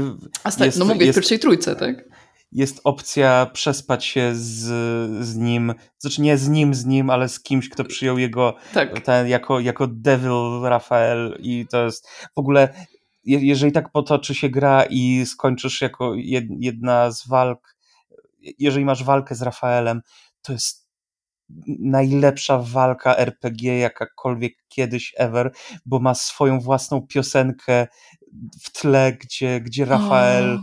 wiesz, raz pięknie kobieta śpiewa, że y, life so mortal life I, i później na to wchodzi Rafael soul, soul, po prostu takie teatralne okay. to jest. Widzę, bo jak tylko to powiedziałeś, to ja w swojej głowie zobaczyłem Tenacious D, więc widzę dlaczego to ci się podoba. Nie, nie, to nie ma, to nie ma vibe'u Tenacious D. To jest takie bardziej musicalowo-teatralne wtedy. Mhm. E, słuchajcie, skoro zaczęliśmy o hot postaciach, kogo romansowaliście w tej grze? Karlach. E, ja jeszcze nie, e, nie wybrałem do końca. Znaczy miałem jedną scenę z Shadowheart, bardziej z ciekawości jakby jak to wygląda. To jest, to jest też strasznie dziwne, e, bo to jest po, po wiesz, to jest chyba po pokonaniu obozu goblinów, czy jakoś tak? E, tak, po zakończeniu questu droidów. Droidów. to się szerzy. tak. E, wracasz do, wracasz do obozu, gdzie jest impreza. Sifripo, dziękuję ci za pomoc. I tam dosłownie możesz zrobić rundkę po wszystkich postaciach i każda z nich ci mówi, że chce spędzić z, z tobą noc. W tych czy w innych słowach. I po prostu ty musisz wybrać którą. To był bug? To był bug. Larian powiedział, że oni nie mieli być tacy napaleni. Co więcej, zdążył to spaczować, zanim ja miałem imprezę po a. rozwiązaniu wątku goblinów. A to jest to, ja widziałem o tym patchu, tylko nie wiedziałem o co chodzi dokładnie. A to jest I tam, to, dokładnie ten moment. I, I, tam gra w jakiś sposób mierzy zainteresowanie postaci tobą, bo yy, tam Astarion, Astarion mi powiedział, że mm, taka noc, no to tutaj czeka na jakieś gorące akcje, po czym podkreślił, ale nie z tobą, broń Boże. Wyobrażasz sobie? Bo byłeś za dobry i pewnie za e, zbyt często pokazało się, tak. że, ci, on zaprowuje. Zmierzam do tego, że gra w jakiś sposób mierzy zainteresowanie postaci twoją postacią i e, na tym etapie tylko Shadowheart i Karlach były no, zainteresowane. Hmm. Cudowne. I love that. Jakby, y, podoba mi się założenie, że ej, mamy te kijanki w głowach, pewnie umrzemy bardzo, bardzo Romans wkrótce. z Karlach to jest najpiękniejsza historia miłosna, kurde, którą widziałem chyba. No to jest, to jest e... Rogi Gambit, ona nie może cię dotknąć, jakby to się samo pisze. Yes. Karlach, bo ona, Karlach bo ona, jest... ma se, ona ma serce zamienione z Infernal Engine i ona cały czas płonie i ona od 10 lat nie mogła nikogo dotknąć, a jednocześnie jest barbarzynką, która tylko mówi Jezu, jakbym cię zwyobracała, to byś nie chodził przez nas najbliższe trzy dni. Trzeba być po prostu... Gambit. Trzeba być Tieflingiem, który jest odporny na ogień i tyle. Easy peasy. Znaczy, to, w, znowu wiem, widziałem... Jest, jest opcja, że y, ja mówię, no ja nie, też, ja też bym chciał i no nie wiem, no to spróbuj mnie ochłodzić i, i ja, można w nią rzucić butelką wody i ona paruje i, i, i, potem okej, okay, to spróbujmy i t, przez sekundę można ją tam dotknąć, ale potem cię parzyć. Coś, to jest, o, znaczy, wiesz, to jest takie... Czy właśnie, czy jeśli jesteś tiflingiem odpornym na ogień, to jakkolwiek to gra bierze pod uwagę? Nie wiem, nie, nie wiem. ja to wymyśliłam, Zaku, jakbym to zrobiła Zakładam, że jej płomień okaże się zbyt gorącym mimo wszystko. A, tak. Widzia, nie jest widziałem... odporny, jest odporny, ale nie niewrażliwy. A, tak, widziałem, redukcja o 50%, a nie... Widziałem właśnie na YouTubie klipy właśnie tej sceny z ja nie miałem tego dialogu, więc musiałem coś inaczej wybrać, albo to zależy od buildu twojej postaci, więc widziałem na YouTubie tylko sceny, gdzie ktoś właśnie mówi, jakby można wybrać opcję, że spróbujmy, zniosę twój żar, czy coś takiego i tam dochodzi do pocałunku, który jednak parzy postać gracza, więc zakładam, że to byłoby coś takiego. E, no to skoro zeszło na postaci w drużynie, um, Astarion jest super, jest dla mnie najciekawszą postacią. Bo o co chodzi? Drużyna zostaje zebrana, bo wszyscy macie kijanki w głowach i wszyscy myślicie, no z tymi kijankami trzeba coś zrobić. I jest Astarion, który jest pomiotem wampira, któremu kijanka daje mnóstwo benefitów. Po pierwsze, słońce przestało mu szkodzić. Po drugie, e, przerwała jego więź z jego wampirzem stwórcą, dała mu wolność. W związku z czym on nie chce się pozbyć kijanki w głowie. Kijanka w głowie bardzo mu pomaga. To jest świetny haczyk na postać, a, a do tego Astarion jest takim, zakładając, że nie graliście w grę, e, dandysem, absolutnie morderczym i bezlitosnym. Znaczy on jest zły. Jest zły, zły. Ale jest ale, fajny. Ale to tak, fajne. A jego, tak. główna, jego główny quest, w zależności jaką tam decyzję podejmiesz, może być naprawdę zły, zły, zły, zły, zły, zły, zły, zły, zły, zły. Tak zakładam. Zły, tak. zły? E, bo, bo nie będę wam spoilował. Ty, no. ty, tak sobie myślisz, naprawię go, ale nie. Chyba nie. nie. Znaczy, może trochę. Da się go przekonać, żeby nie był ostatecznie zły, zły, nie, jest, zły. jest tam bardzo ładny dialog, kiedy, kiedy y, ja, jako, po, jako postać z jakiegoś powodu powiedziałem mu, że to jest okazja, żebyśmy byli lepsi, a Starion mówi, tak, będę lepszy, szybszy, silniejszy, bardziej bezlitosny. Potem się tak mówi, patrz, patrz na nas, mówi, a miałeś na myśli głaskać króliczki i tak dalej. Hmm, co za koncepcja. E, nie, Astaria jest super. E, Karlach, która jest właśnie płonącą barbarzynką, jest, jest bardzo sympatyczna. Ja bardzo lubię Karlach, bo jest sympatyczna, nie widzę tam głębi, nie wydaje mi się interesująca, ale ją lubię, jest sympatyczna. E, do tego w drużynie mamy, o kim już wspomnieliśmy, Shadowheart. Internet uwielbia Shadowheart.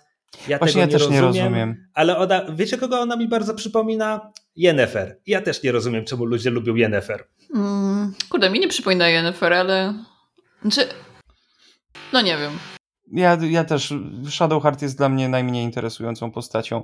Jak, ten, ten quest tam w tle, który ona ma jest ciekawy, ale, ale jak, jako postać też, też mnie nie grzeje. W ogóle jej nie używałem. Znaczy, ona, tam też są fajne bardzo... dialogi z nią miejscami, mhm. kiedy jakby próbujemy, próbujemy ją trochę no, ugłaskać, e, kiedy właśnie ona mówi, że absolutnie niczego nie pamięta, więc e, co ja mam ci mówić o mojej przeszłości, aby nagabujemy, że no ale musisz coś pamiętać. I ona potem mówi, że nie pamiętam, że lubi albo nie lubi pływać, lubi jakieś konkretne kwiaty, to potem może wrócić w dialogu 10 czy 15 godzin później w bardzo ładny sposób. Jakby tam są fajne dialogi, natomiast samej Shadowheart nie rozumiem, czemu znaczy, świat ma fisia na jej punkcie. Ja się zgadzam pod, pod, względem tego, że charakterologicznie Shadowheart e, mnie ani ziębi, ani grzeje. e, ale jej wątek mnie interesuje jakby właśnie w kontekście tego, że ona technicznie rzecz biorąc jest zła, choć tego w żaden sposób po niej nie widać, ale też wielokrotnie podkreśla, że no hej, w razie czego jakby, gdybym miała wybrać między kimkolwiek a szarem i cokolwiek mi jakby szar, e, cokolwiek mi szar e, rozkaże, to, e, to zawsze wybiorę szar. Jakby, okej, okay, jakby to, to, interesuje mnie to, ale to też właśnie ze względu na to, że z Karlach mam ten sam problem. Karlach strasznie lubię. Z Karlach lubię rozmawiać.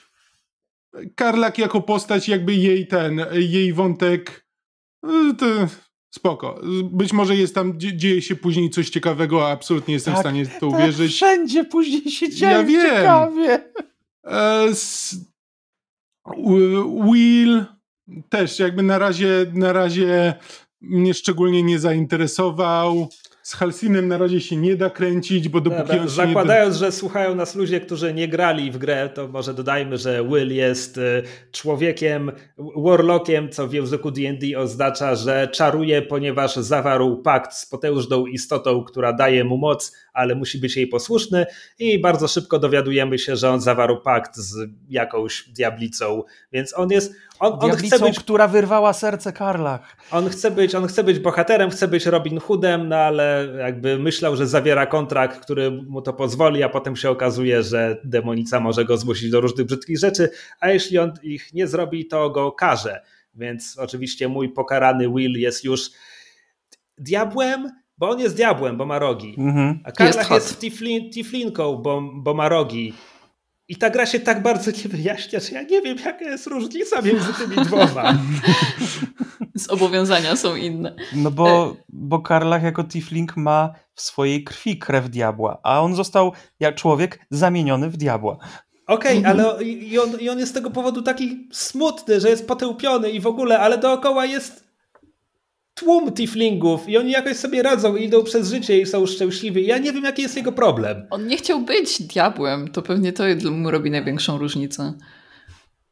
Może. Ale y, chciałam Ale powiedzieć, nie są dlaczego... diabłem. To jakby to, że on został przeklęty, zamieniony w diabła, to jest co innego niż po prostu urodzić się tiflingiem. Ja, ja wiem, ja tak zakładam, ale nie wiem, nie widzisz tej różnicy tutaj nie w fabule. Okej, okay, dobra. Dobra. E, czekaj, czekaj. Jeszcze chciałam... z larwami w głowach. Jeszcze A z mogę... Ania chciała coś. Tak? tak, chcę tylko powiedzieć, dlaczego myślę, że dlaczego Shadowheart jest najbardziej e, jakby atrakcyjną dla internetu postacią. Bo ludzie kochają emo girls? E, to po pierwsze. E, ale chciałam powiedzieć, że ona jest z całej naszej drużyny jest jedyną e, konwencjonalnie atrakcyjną kobietą i mówię widziałeś, to tutaj... Widziałaś Karlach?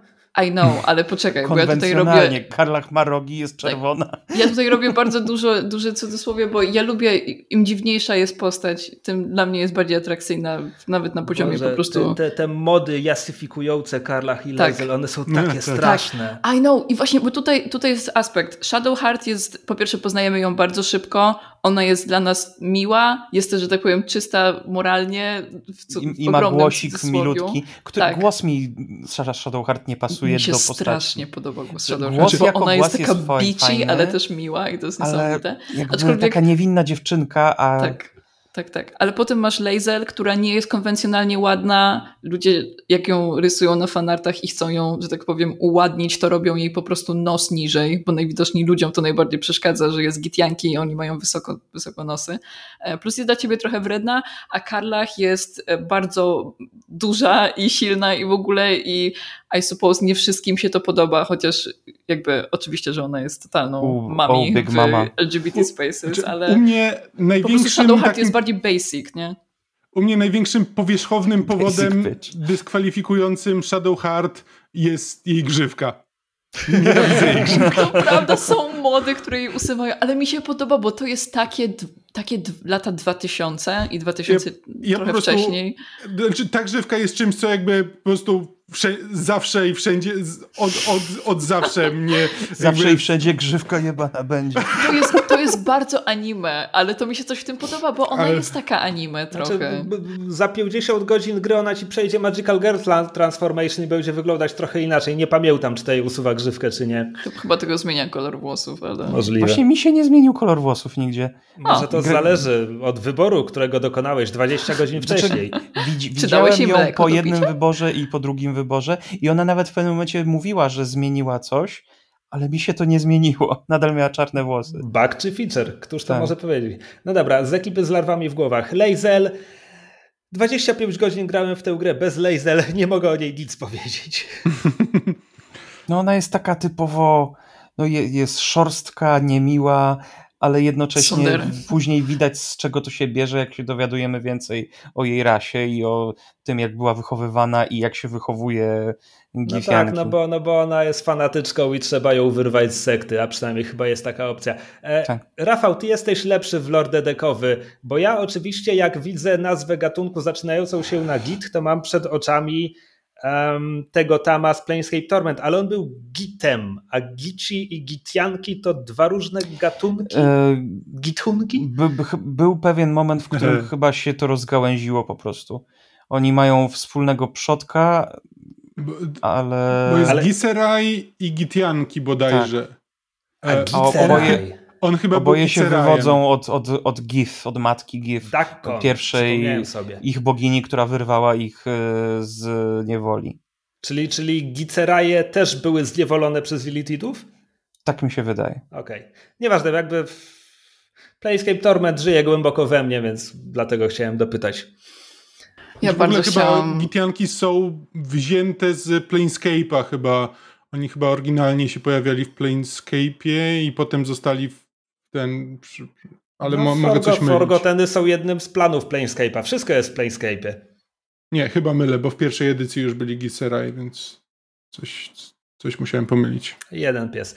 Dobra. I Bardzo ekipa... chcę zagrać w Planescape Torment, bo ludzie mówią, że to jest równie męczące co Pathologic i tam jest dużo tekstu, więc chcę w to co? zagrać. A oczywiście, jeżeli się mylimy w jakimkolwiek tutaj loże albo czymś, to proszę komentujcie i dajcie nam znać, że się mylimy. Ja, ja. Nabijcie nam te interakcje na YouTubie. E, dobra, i z ekipy z larwami w głowach został jeszcze najbardziej pomijalny jej człowiek, e, czarodziej Gale. On nie jest pomijalny. On nie jest znaczy, pomijalny, on, ale jest... Jest taka cienka granica pomiędzy... On bardzo dużo mówi i ja czasami lubię, jak on to mówi, a czasami Coś się przedziera to... przez tę granicę. Wiertarka łań. No. To nie, to u sąsiada. E, Tru, trudno, mi to, trudno mi to określić do końca. On jest taki, czasem jest niezdośny, czasem jest sympatyczny. E, ja zasadniczo nie mam go w drużynie, więc e, interakcje mam tylko w obozie. On jest ja tak bardzo. Gen w ogóle nie interesował. On jest tak bardzo jak Anders z Dragon Age 2. W sumie jest Dragon Age 1 Uf. i Inquisicji też. Oraz Caleb z Critical Role. Sorry za wiertarkę. nie, Gale owszem, on nie jest jakiś super interesujący. Lubię jego historię w tle, to, że był kochankiem bogini magii i chciał jej się przypodobać, więc zakazaną rzecz tam jakąś uwolnił i co ledwo wyżył i ona go później przekleła, odsunęła od siebie i on teraz ma nadzieję się jej znowu jakoś przypodobać. Tak, ale jak gość ciągle opowiada ci o swojej ex, to jest to trochę męczące. No tak, tak. Jest to ciekawa historia, ale nie gra się nią ciekawie w, te, w tę historię, jakby. No. Mhm. No dobra, to są już chyba wszyscy larwiści i do tego w pierwszym akcie możemy zrekrutować jeszcze Halsina, który jest szefem e, druidów. O, jest, jest duży. Jest, jest, duży i czasem jest, jest niedźwiedziem. Jest mocno zbudowanym elfem, co teoretycznie jest rzadkie. Bo, okay. bo jest, jest Hunky Bear mhm. Daddy Elf. I to jest jego charakter.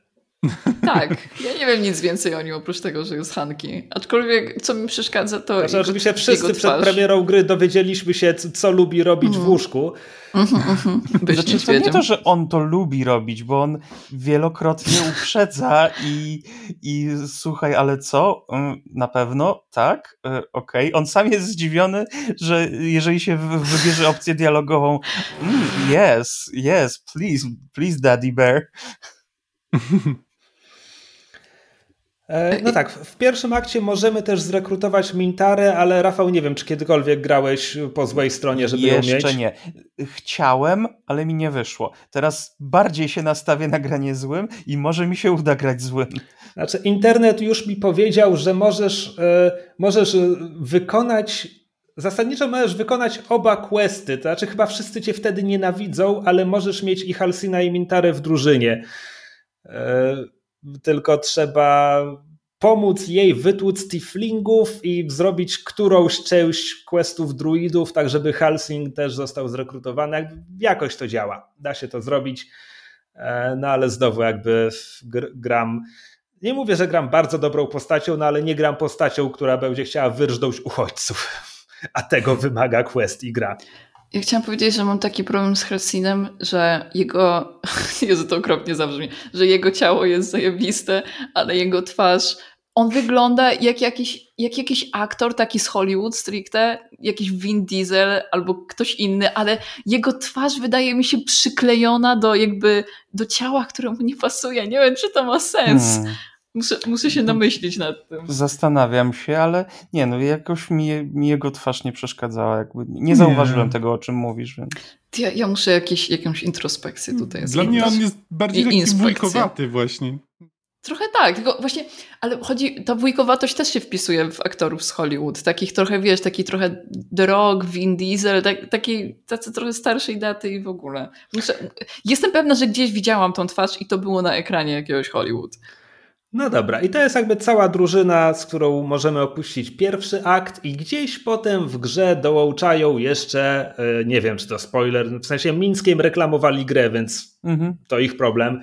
Jaheira w drugim akcie się pojawia. I Jaheira, która też jest druidką, prawda? Tak. Okej. Okay. E, no więc A, ponieważ. Żona jest rangerką. Ponieważ, nie, Mińskie z Rangerem. Ponieważ moja historia z Baldurami jest zerowa, znaczy to dla mnie nic. Wiem, że Mińsk ma chomika. Dlatego Zalbar jest skautem. Co? To, to było bardzo... I to, to, to jest kotor, nieważne. Generalnie zre, zrekrutowanie Mińska bywa problematyczne, bo trzeba go, trzeba się dowiedzieć, że, trzeba, że jest możliwość włączyć non-lethal obrażenia i go zdropować non-lethal, żeby potem go do siebie móc A nie, przekonać to, to każdy, każdy atak melee możesz kliknąć, żeby był non-lethal. No to... tak, ale ja o tym nie wiedziałem wcześniej. Tak, go, generalnie 4 czy 5 razy. 4 czy 5 razy podchodziłem do tego. Problemy z interfejsem i wyjaśnianiem samej siebie. I to jest cała już drużyna w tej grze i Astarion jest super. Karlach lubię, bo jest sympatyczna. Reszta jest mi mocno obojętna. Nie poznałeś jeszcze ich całej Nie historii? poznałem jeszcze ich całej historii, tak, ale w 30 godzin jakby uratowałem galaktykę w Mass Effectie i uwielbiam Garusa, Tali, Rexa, e, Ashley. Ja jestem jednym z tych dziwnych, który, którzy lubią Ashley. I jakby, wiesz, ja, ja, nie zaczynałem, nie siadałem do Baldura z myślą, że wiesz, szukam tutaj drugiego Kima Kitsuragiego, ale liczyłem, że znajdę tutaj Kim? swoją Tali, Rexa, Garusa, jakby inny poziom jakby zaangażowania w postać jakby oryginalności i tak dalej. Jakby Gali, Tarus, Gali? Tali, Garus, Rex nie są oryginalni, są mocno kliczowaci. Oni są jakby prosto ze wzorca, który BioWare stosował do każdej kolejnej gry od pierwszego Kotora. Ale mają Ale są swoje. super i ich lubię. Nie, wyjątkowe rzeczy. Są. Nie, okej. Okay. Wiesz co, Astarion wydaje mi się, że jest y, jest świetną postacią, ponieważ na tle reszty jest najbardziej wyrazisty, ma najbardziej jakby zdecydowane opinie i jakby swoje poglądy e, i, i moralne decyzje, e, a reszta, reszta jest mniej wyrazista, szczególnie Will, który jak się jakby pojawia, to wszyscy po prostu stwierdzają, że to jest najnudniejsza postać. Możliwe. Tak, znaczy... Will w, w, w, tym, w Early Accessie był jeszcze nudniejszy.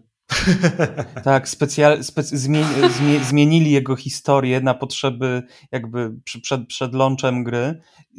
Tam nie było tego wątku e, z Karlach, że on polował na Karlach i, i tak dalej. Jakby to, to było, było wprowadzone później. Oh, A, no tutaj, tutaj jest też ten moment, kiedy gra jest szyta jakby najlepiej jest, kiedy masz Willa, kiedy spotykasz Karlach, bo wtedy sceny się odpalają tak, jak twórcy chyba sobie wymyślili, że to się stanie. Ja nie miałem Willa w drużynie, kiedy zrekrutowałem Karlach, więc potem idę z Karlach do obozu i tam jest Will i jest spoko, bo dopiero trzeba kliknąć long rest i dopiero wtedy pójdzie scenka z, z ich konfliktem. I to Ty jest trochę sztuczne Karlach i dziwne. Dopiero, ty już miałeś Karlach jak jak y, pojawia się Will? Tak? Nie, na, na odwrót. Miałem Willa, A. ale nie miałem go A. ze sobą w drużynie, A, kiedy okay, rekrutowałem okay. Karlach. Okej, okay. mi, mi, też się scenka nie odpaliła, to był bug. Ja jak nawet podszedłem Karlach do Willa i nic się nie zdarzyło. No właśnie, to, nie to, wiem, to, to potem spaczowali. Wy... To potem spaczowali, że tak? później jak pojawiasz się w e, tym, w obozie, w obozie to natychmiast jest to, scena? Tak, tak, to jest, jest scena. Że... Okej, okay, no to najwyraźniej spaczowali to już po tym, jak ja w to grałem. Tak, e, Inna rzecz, która była dziwna, to właśnie e, Lazel ma problem, ma problem z Shadowheart ze względu na coś, artefakt. E, w związku z czym, ponieważ Lazel zrekrutowałem 30 godzin po rozpoczęciu gry, więc potem miałem nockę, kiedy dwie sceny naraz mi się odpaliły, w sensie jedna po drugiej i to było dziwne, bo one ewidentnie powinny być, powinno być kilka dni odstępu między nimi, e, no ale jakby gra musiała nadgonić. Jakby dobrze, że w ogóle nadgoniła, tak? No bo prostsze byłoby, że w ogóle by mi się coś nie odpaliło.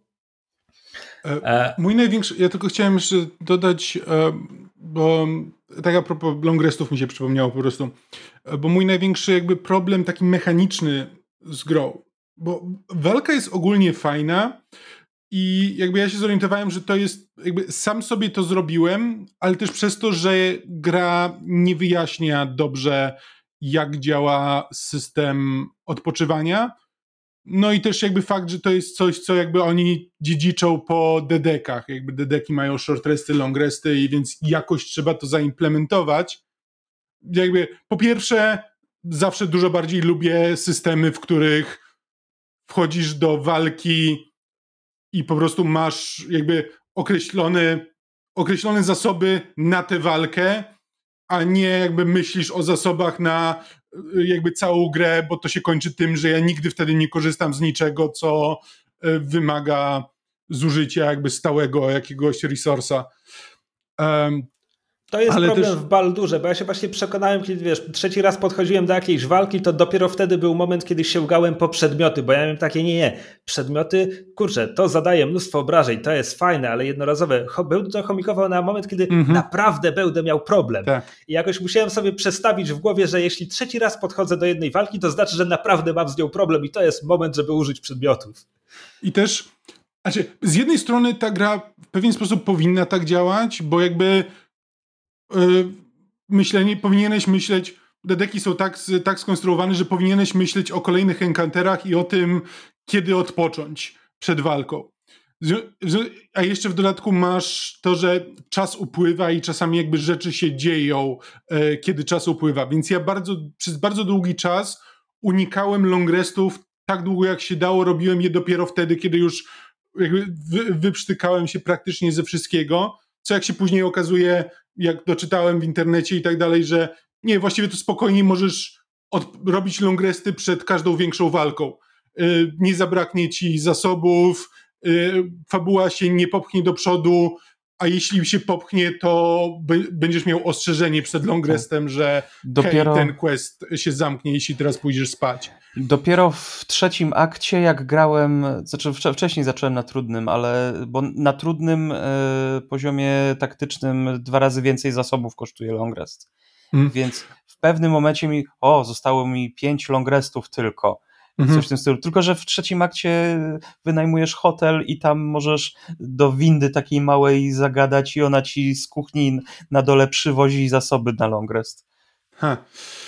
Za kasę. E no, ale w każdym razie problem jest taki, że bardzo trudno jest jakkolwiek stworzyć enkantery, które są angażujące, kiedy tak naprawdę po longreście większość enkanterów super easy, barely an inconvenience.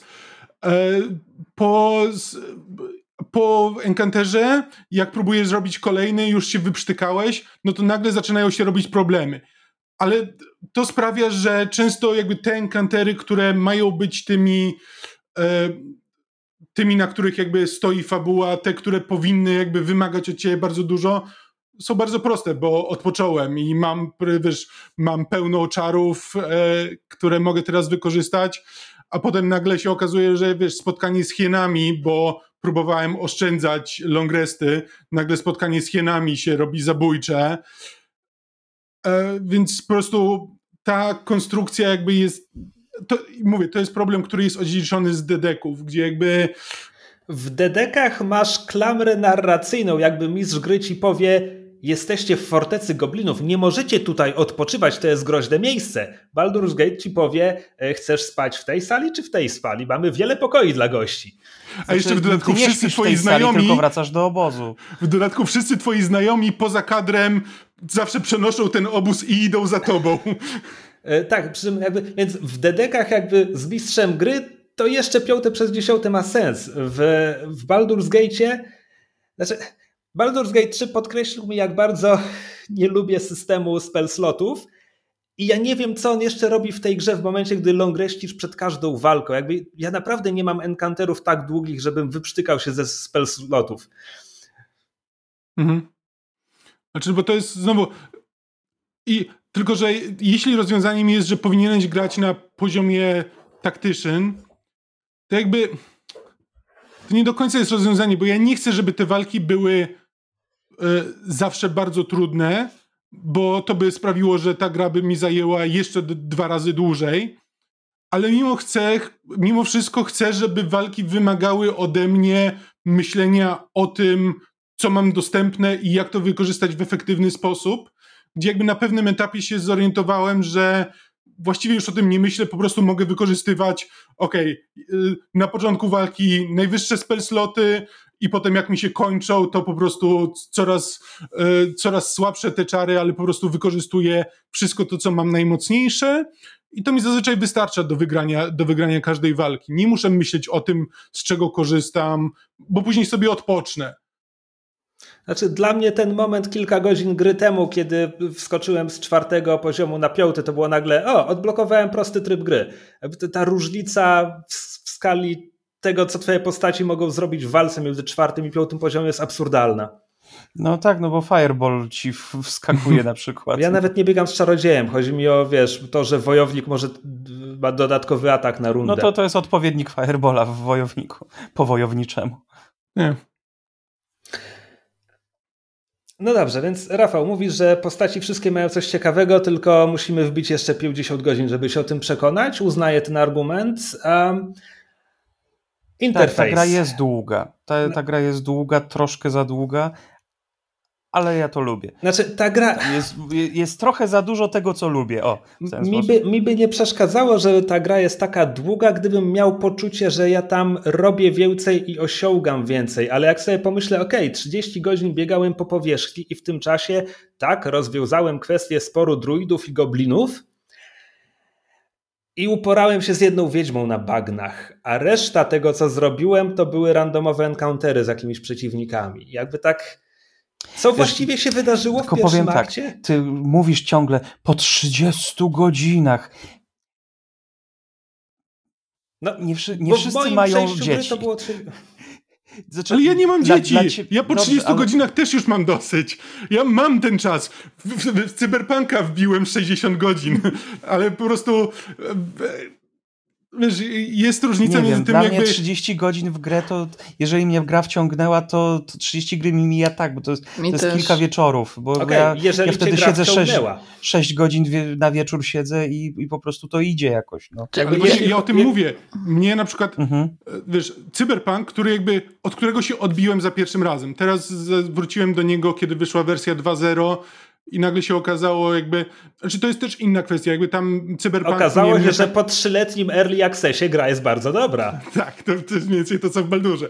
E, tylko po prostu, znaczy w cyberpunku po pierwsze jakby e, od razu poznaję parę ciekawych postaci, fabuła mnie trochę bardziej, bardziej wciągnęła, no i jakby e, też nie ukrywam, że jakby mechanicznie cyberpunk jakby e, gra akcji, no w której trzeba trochę myśleć taktycznie, ale mimo wszystko to jest gra akcji. Trochę bardziej mnie to e, wciągnęło niż e, Baldur, gdzie jakby znowu Baldur, walki Baldura bardzo mnie interesowały na początku, bo były e, były trudne, nie na tyle trudne, żeby mnie to odstręczało, że mam poczucie, że nie dam rady e, i wiesz, i po prostu ze wszystkim się męczę, tylko takie, że właśnie na początku musiałem myśleć o tym, co robię, ale z biegiem czasu coraz bardziej te walki właśnie stają się e, proste, ale nie... No i, i to znowu, to nie jest kwestia tylko tego, że wiesz, włączenie taktyszana mogę, ale to brakuje mi czegoś pomiędzy, bo jakby wiem, że w, na przykład w taktyszanie jest dużo rzeczy, które, które by mnie zupełnie odstręczały. W taktyszanie e, two, e, przeciwnicy robią zawsze to, co jest, że tak powiem, taktycznie dla nich najlepsze. E, czyli jeśli możecie wrzucić w przepaść, to wrzucicie w przepaść. Jeśli może dobić osobę, która ma najniższe HP, to dobije osobę, która ma najniższe HP. No na tym to I polega. Za, zaczyna od Wizarda na przykład, tak. żeby go zbić szybko. Mm, mm. Ja jednak lubię, kiedy tak jak w dedekach z mistrzem gry, mistrz gry trochę oszukuje. Jakby nigdy nie zabije Glass Canona pierwszym ciosem, bo to sprawi, że gracz będzie potem siedział przez resztę walki i nic nie robił. Więc ja chciałbym, żeby gra mi trochę oszukiwała, a przy tym jednak, żeby wymagała ode mnie trochę więcej niż w tym momencie, kiedy już wszedłem w drugi akt na piątym poziomie, e, wymaga. Znaczy, a do tego mamy jeszcze, wiesz, gra opiera się na mechanice dedeków, która, wiesz, jest, jest koszmarnie mm. tym roz, rozbujanym wahadełkiem na zasadzie, że ja nie gram na taktyku. Mam walki, gdzie w pierwszej rundzie pada mi postać, zanim była moja inicjatywa i tak. po prostu muszę przeładować, bo już nic z tym nie zrobię. Już tego nie wygram w żaden sposób. No, no, no. Bo po prostu na kostkach wyszły, nie wiem, dwa krytyki z rzędu. No ale ja e, kocham takie rzeczy na przykład. Jakby ja, ja kocham, jak gra ci rzuca kłody pod nogi, ale ja też lubię Darkest Dungeon. Ale kłody więc... pod nogi jakby... Mhm. To o, naprawdę czekaj, nie jest nagrania? sytuacja, z której ja jeszcze mogę się wykaraskać. Przepraszam, Rafał, mówiliśmy przez tak. siebie. Możesz powtórzyć? E, nie, e, minęła godzina 40 zanim Ania wspomniała o Darkest Dungeon. Myślałam o tym już dobry wielokrotnie. Wynik, dobry wynik. Wiesz, no, ja, ja, ja, ja uwielbiam gry taktyczne jakby ja wciąż czekam na dobrego RPGa, który będzie miał świetne walki taktyczne i jakby już, już drugi raz mam wrażenie, że Larian jest o krok od tego, żeby to była idealna gra dla mnie, no ale najwyraźniej po 35 godzinach Original Sin 2 stwierdziłem, to jednak nie to. No i po 35 godzinach Baldur's Gate 3 chyba stwierdzam, że to jednak nie to. Coś mi tam wciąż jednak nie pasuje. A ja tylko dodam, są prawdopodobnie najbliżej tego, co sobie wyobrażam. Ja tylko dodam, bo zmierzamy się do końca. Jakby ja tutaj narzekam na Baldura, ale warto zauważyć, że jego wciąż nie odinstalowałem. Wciąż sobie powtarzam, że do niego wrócę. E, bo za każdym razem, kiedy o nim słyszę, to jakby ja tym widzę, gdzie to wszystko jest i chcę do tego, chcę do tego dotrzeć. Po prostu do, e, i też przez pierwsze 20 godzin byłem absolutnie, że okej, okay, jakby tutaj jest, tutaj jest dużo, po czym kolejne 10 godzin trochę już trochę już się męczyłem i chciałem dojść do czegoś. Nawet sam nie do końca wiem czego, ale po prostu skończyć jakiś coś... quest. Bo jednak początek gry to jest ciągle, gdzie nie pójdziesz, to pojawia się nowy quest i, i dobrze, to, to, to pójdę robić ten quest, ale po drodze pojawiać się inny quest i jakby mnożą się te questy, a nie masz czasu jakby znaczy, no dojść czekaj, ale, do rozwiązania którego. Ale ja jestem na etapie, że jakby ciągnące mi się questy są wszystkie powiązane z postaciami z drużyny, a jakby podomykałem questy w pierwszym akcie. No. Rozwiązałem osta w ostateczny sposób kwestię goblinów, rozwiązałem kwestię druidów, tylko że To jest zresztą, przepraszam, e, czy mogę, bo to jest zresztą pewien, e, pewien kolejny problem, że e, gra mi mówi, że nas, e, zanim przejdziesz do drugiego aktu, wykonaj wszystko w pierwszym akcie, bo te questy przepadną. Ja bardzo chciałem już na zasadzie, gdybym miał możliwość na zasadzie, chcę pójść dalej i wróciłbym sobie później, żeby jeszcze podomykać tam te rzeczy, to by było super, ale właśnie gra mnie zmusiła do tego, że musiałem w tym pierwszym akcie zostać trochę dłużej niż na to miałem ochotę, bo, bo jednak moim, e, moim serduszku nie jestem w stanie zostawić questa otwartego. Muszę, muszę wszystko mhm. wykonać. E, gdzie właśnie, gdybym mógł pójść dalej z główną fabułą, wrócić do tych questów z pierwszego aktu później, byłoby łatwiej. Tak. No. Zrobiliście questa z tą jędzą na bagnach? Tak. Tyle, ile w pierwszym akcie da się go zrobić. E, znaczy, ja tylko powiem, że ten główny konflikt pierwszego aktu, gobliny kontra druidy, on nie jest aż taki płaski, jak to może wynikać, jeśli się go tak opisze, no bo tam chodzi o to, że jest cała karawana uchodźców tiflingów, którzy schronili się w kręgu druidów, ale teraz pod nieobecność Halsina kręgiem druidów zarządza druidka faszystka, która chce ich wszystkich wyrzucić, wydać goblinom na pożarcie, odciąć krąg. I to jest takie, okej, okay, czyli te nominalne dobre druidy są jakby ksenofobiczne i jakby po prostu chcą tylko bronić swojej oblężonej twierdzy, okej, okay, spoko. Generalnie ta druidka faszystka jest skorumpowana przez druidów Poczekaj, cienia. właśnie chcę do tego, A, właśnie do tego zmierzałem, bo jakby jak tam gadam z druidami, to część druidów mówi, Kaga dobrze robi, musimy myśleć o sobie, a jedna czy dwie mówią, no nie powinniśmy się zamykać, ale ja nie wiem, jak możemy pomóc tym imigrantom, jakby gdyby tylko był tu Halsin, który zrobi wszystko za nas, to byłoby fajnie. No i ja mam takie, okej, okay. no i śledzę właśnie Wołtek Kagi na zasadzie, bo to jest spoko, że to jest jakby druidka, która zawsze była jakby w skrytości ducha faszystką, a teraz ma okazję, bo Halsin zniknął, więc przejęła władzę i robi swoje rzeczy po swojemu. To jest okej okay. i czekam na konkluzję. I konkluzją jest, że ona nie jest faszystką. Ona została skorumpowana przez druidy cienia druidy cienia są złe, bo nazywają się druidy cienia. Na, na marginesie to jest pierwszy moment w grze, kiedy usłyszysz o istnieniu czegoś takiego jak druidy cienia i nie masz możliwości zapytać kogokolwiek o to, kim są druidy cienia i czego chcą. Ja gram druidem. Powinienem to wiedzieć. I jakby po prostu... Jest jedna książka. Ja, ja z, w ogóle nie znalazłem, nie znalazłem tego wątku, że Kaga jest e, druidką mhm. cienia.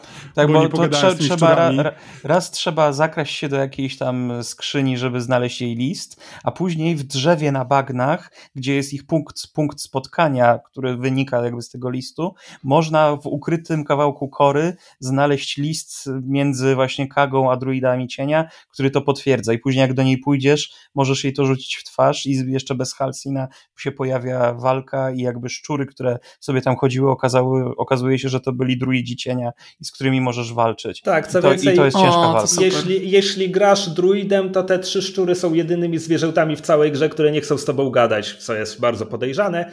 E, po czym, ponieważ grałem druidem, zro, zrobiłem to śledztwo, to jeszcze przed tą walką e, przegadałem Kagę, także ona jakby odkryła, o nie, złe druidy cienia mnie skorumpowały i ona jest w tej walce po mojej stronie. Jakby wszyscy druidzi kręgu są po mojej stronie, więc ta walka z druidami cienia to było banalne, bo NPC ich rozwalili. Więc jakby to może się potoczyć inaczej. Po prostu to nie jest ciekawe, że po prostu są złe druidy, o których nic nie wiemy, o których nie słyszeliśmy wcześniej. No ale dobra, okej, okay, jakby zrobiłem główny konflikt na powierzchni, Idę do podmroku, w podmroku spotykamy grzyboludzi. Grzyboludzie wyglądają jak coś z Mass Effecta, są całkiem spoko, wykorzystują zarodniki, żeby ożywia, ożywiać zwłoki e, przypadkowych osób e, jako swoje sługi. To jest niepokojące i spoko. Grzyboludzie mają problem. Problemem są duergarowie. Duergarowie mordują grzyboludzi. Czemu? Bo to ciemne krasnoludy, które są złe, bo są złe bo w podmroku wszyscy są źli i jakby to nie jest gra dla mnie chyba na tym etapie, na, na poziomie światotwórstwa i motywacji przeciwników, jakby niech tu będzie jakiś saren chociaż. Mm, mm-hmm. Znaczy, Sarena gra jest dla mnie, Forgotten Realms nie są dla mnie. Jakby dużo bardziej, dużo lepiej bawiłem się w świecie e, Divinity, nawet jeśli on nie traktował się poważnie i to był, to, to był lekki problem dla mnie, ale, e, ale mimo wszystko wolałem, a Forgotten Realms właśnie wielokrotnie no, już. Wyrośliście już z Forgotten Realms. Ja potrafię jeszcze się cofnąć. Nie, jakoś nie jest dla mnie problemem, że okej, okay, dogadujemy się, że Duergary są złe. No, znaczy, mówisz, wyrośliście, Wiem, czemu to ale... nie jest w porządku, nie, ale ja, potrafię ja... to jakby powiesić na, na, na haczyk i okej, okay, gobliny i duergary są złe. Tak samo, y, tak jak w książkach nie, nie cierpię, nie cierpię takich monolitów zła. fantazy. Jakby cały gatunek no, jest X. Mi to tak nie przeszkadza. Nie lubię tego strasznie. Ja tego nie lubię w moich osobistych y, jakby sesjach RPG, ale w grach komputerowych mam takie, okej, okay, nie będę się zagłębiać, czy ten gościu, który mnie atakuje i, i jakby zasadza mi tak, bo uderzenie ma krytyczne swoją co własną rundę. drogę i historię osobistą mm-hmm. i, i, go doprowadziło do tego. Tak, wiem, ale w tym momencie ja mam swoją historię i w mojej historii gobliny są złe. I, ale wiesz no, co, mi nie chodzi tylko o to, uproszczenie, chodzi o to, wiem. Ja, ja wracam, wracam do tych Mass Effectów na zasadzie, że tam mam, ja mam Tali i Rexa i Garusa, którzy są uosobieniem jakby całego swojego gatunku, ale przy okazji zgłębiamy ich gatunki. Mamy ten world building, dowiadujemy się o rzeczach, o konflikcie Quarian z getami, jakby mi brakuje tych rzeczy tutaj. Jakby ja, ja bym chciał dowiedzieć się więcej o tych druidach, ale tam nikt nie chce mi powiedzieć niczego ciekawego o tych no, druidach. Oni tutaj jednak no, robią to w świecie, w którym rzeczy się dzieją od dziesiątek lat i no ale czy może, to jest powód, no, żeby... Pominęli dużo world buildingu, no. No tak, ale ja robią sequel gry sprzed 20 lat. Czy oni naprawdę myślą, że mają wbudowaną publikę, która to wszystko ma w małym paluszku? Oni mówię, o, oni nie spodziewali się takiego sukcesu komercyjnego. Oni, właściciel firmy zakładał, że naj, najwyż, najwyższa liczba graczy naraz, to jeżeli 100 tysięcy im cyknie, to będzie super. Cyknęło im ponad 800 tysięcy, jest to czwarta gra w historii pod względem ilości graczy. On naprawdę myślał, że ta gra jest skierowana do ludzi, którzy znają Forgotten Realms i są, wiesz, piwniczakami z Dungeons and Dragons i oni to wszystko wiedzą, siadając do tej gry. Ale to mi się strasznie dziwne. Założenie. Ja no właśnie, to mi się dziwne wydaje, bo piwniczaki, które grają w Dydeki, to były jakieś lata 80. Dydeki są teraz I on tak to ultra popularne. I to jest właśnie właściciel Lariana, który tworzy tę grę. Znaczy, no właśnie dziwne wiesz, bardzo. Ja y, nie ufam. Jakby, właściciel Lariana jakby ze wszystkiego, co widziałem na Twitterze, wydaje się bardzo sympatyczną osobą. Wszelkie jakby takie, no ja liczę na to, że w najlepszym wypadku to będzie 100 tysięcy ludzi, to będzie w ogóle nie, ta, żadna gra. To jest jakby, to jest po prostu budowanie się z pozycji jakby tej underdoga, jakby... I'm just a little birthday boy. Tak, dokładnie, jakby to jest po prostu bardzo dobra historia, że no, nie no, my po prostu zakładaliśmy, że po prostu robimy grę fantazy na, na, podstawie licencji od jednego z największych jakby twórców, jakby od licencji, która już od wielu lat jest najpopularniejszym RPG na świecie. I nie, nie zakładaliśmy w ogóle, że to może być sukcesem. Zakładaliśmy, że grają w to tylko nerdy. To nie, była, to nie jest prawda od 20 lat. Jakby wszyscy to wiedzą. To jest po prostu dobra historia. Znaczy, ta, gra, ta gra ma mnóstwo zalet. Ja po prostu jestem tak pod kątem od 45 stopni do 90 stopni względem tego, jakie ma założenia i tak dalej. I dlatego tak trochę do niej nie pasuje. A na to wszystko nakłada się jeszcze oczywiście popularność dedeków. Dopiero co był film, więc jeszcze ostatnie osoby, które żyją pod kamieniem i nie słyszały o marce, teraz być może usłyszały. Na to wszystko nakłada się jeszcze jedna rzecz – BioWare nie zrobił gry od pięciu czy siedmiu lat, a nie zrobił dobrej gry od niemal dziesięciu lat. Jakby, Jak możesz? No nie, nie żartuję. Inkwizycja była 10 lat temu. Nie, w 2015. 14. O Jesus Christ, Aha. to już jest 10 lat. A po drodze była tylko Andromeda. Ludzie są strasznie spragnieni gry w stylu BioWare, która właśnie będzie miała filmowe przerywniki, będzie miała postaci z drużyny, z którymi spędzisz mnóstwo czasu jakby Ilarian zrobił tę grę. Mają trochę inne założenia. Okazuje się, że kurczę, chyba jednak jestem Basic Beach i wolę założenia BioWare. Znaczy, żadnego Dragon Age nie przeszedłem poza dwójką, a od Andromedy się nie odbiłem, więc to też jakby mówię o założeniach BioWare'u sprzed 15 lat. E, wiem, że minęły lata i to się pozmieniało. E, w każdym razie ludzie byli bardzo spragnieni takiej gry i Baldur's Gate 3 daje im również te, te wrażenia. Jakby ja to rozumiem. Ja, ja się dobrze bawię przy tej grze, zwykle. Po prostu, kiedy myślę, ile czasu już w nią wbiłem i mam poczucie, że stosunkowo niewiele z tego mam, to mnie trochę zniechęca. A teraz zacząłem grać w Shadow Gambit, które jest wybitne, a przy okazji jest ostatnią grą Mimimi, bo studio się zamknęło. e, i prawdopodobnie przy tym spełzę więcej czasu. E, zanim odcinek się skończy, powiem tylko interfejs w Baldur's Gate 3. Do kitu. Kiedy idę do handlarza, żeby sprzedać mu wszystkie łuki wszystkich moich postaci pozbierane po przeciwnikach, mam ochotę się zabić. Zarządzanie drużyną. To, że nie ma tam BioWare 30 lat temu wymyśliło, wiesz, okienko, klikasz, kto jest teraz z tobą w drużynie na mapie, gotowe. Nie, tu musisz pójść do obozu. I oni wszyscy są tacy oburzeni, kiedy ich odprawiasz z drużyny. Darling, I thought you'd never ask. Słyszałem to 40 razy rekrutując Astariona z obozu do drużyny. Mam ochotę wydrapać sobie uszy. On ma taki piękny głos. On ma piękny głos, ale ja naprawdę słyszałem to za dużo razy już. Znaczy nie, dotarłem do etapu, gdzie po prostu zawsze biegam z Shadowheart, y, Astarionem i w tym momencie chyba Lazel i ich nie zmieniam, bo mam dość wracania do obozu i słuchania tych dialogów.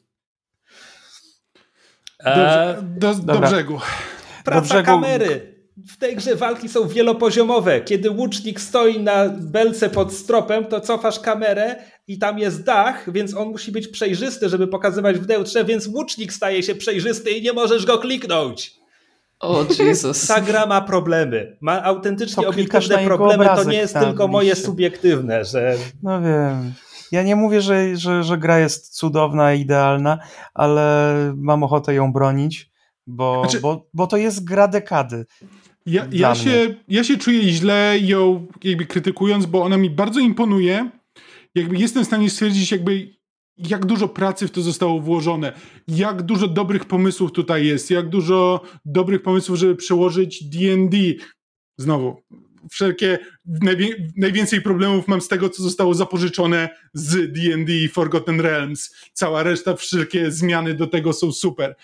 E, mam po prostu, mam kilka problemów, które sprawiają, że, że po prostu jest tam wystarczająco dużo tarcia, żeby decyzja, że ok, w co chcę teraz zagrać, mogę kliknąć Baldur's Gate, mogę kliknąć parę innych gier i jednak Baldur's Gate w tym nie wygrywa. Mimo, że wciąż mam w sobie to głębokie poczucie, że chcę wrócić do tej gry, jakby tam jest tam jest wystarczająco dużo obietnicy na to, że będzie coś coś dalej, że warto w to grać i powinienem, powinienem to dociągnąć do końca, ale po prostu też wystarczająco dużo problemów, które sprawiają, że no, ciągle mimo wszystko jest dużo innych gier, które w tym momencie interesują mnie jedną ciutkę bardziej.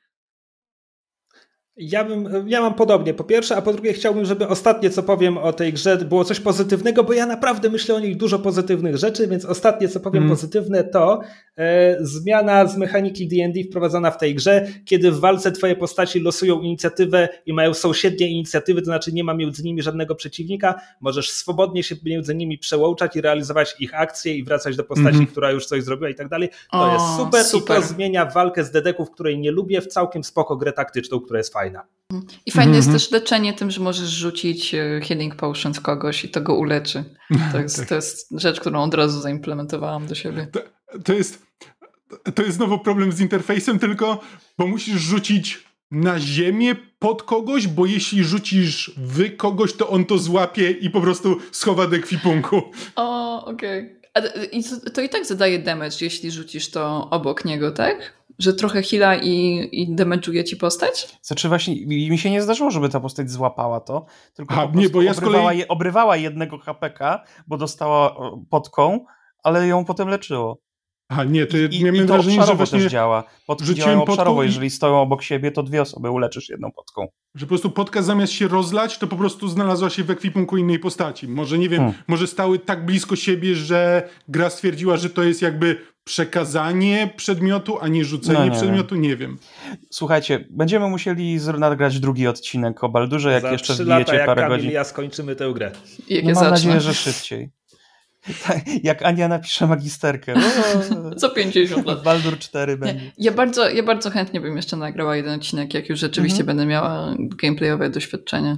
Znaczy, no dobra, ja, dobra, to nawet będę, nawet... będę przeszczęśliwy, jeśli nagramy tamten odcinek i ja wejdę pod stół i odczekam trzy czwarte tego, co powiedziałem teraz. Będę Albo będziesz miał jeszcze tak więcej rzeczy złych do powiedzenia. Dobrze, Albo. będziemy dyskutować. Skończy się nasza przyjaźń i się więcej nie spotkamy. I tak no, się nie spotykamy. Ale to będzie dobry content. Ale to będzie dobry content, tak. Ale przynajmniej myślę, że, że Ania, Ania, Ani się spodoba. Ja, ja chcę wierzyć, ja że Ani się spodoba. Tak. Nie mam pojęcia, kogo Jestem będę romansować, bo wszyscy są fajni. Romansuj Karlach. Dobrze. Dobrze, to no wszystko to w tym co? odcinku. E, gorące krzesła powrócą, nie będę deklarował kiedy, bo ostatnio to się źle skończyło, ale na pewno jeszcze kiedyś będą. A na razie chętnie przyjmiemy wszystkie wasze komentarze, czy to pod tym filmem na YouTubie, czy na fanpage'u podsłuchane... Nie, na fanpage'u Gorące Krzesła na Facebooku, albo na Discordzie, który znajdziecie pod adresem podsłuchane.pl ukośnik Discord. E, możecie mi mówić, jak bardzo się mylę, możecie spoilerować, co jest tam fantastyczne z przodu. Nie przeszkadza mi to. Lajkujcie i subskrybujcie nasz, nasz kanał po więcej e, ważnych dyskusji na temat tego, kto jest hot. Tak. Um. Raz na 10 miesięcy dostaniecie kolejny odcinek. Ej, ej, ej, ostatnie krzesła były zaledwie przed wakacjami. No. No Dobra. jazda. E, Kamil się spieszy na pociąg. Cześć! Bye Cześć. bye. Na razie.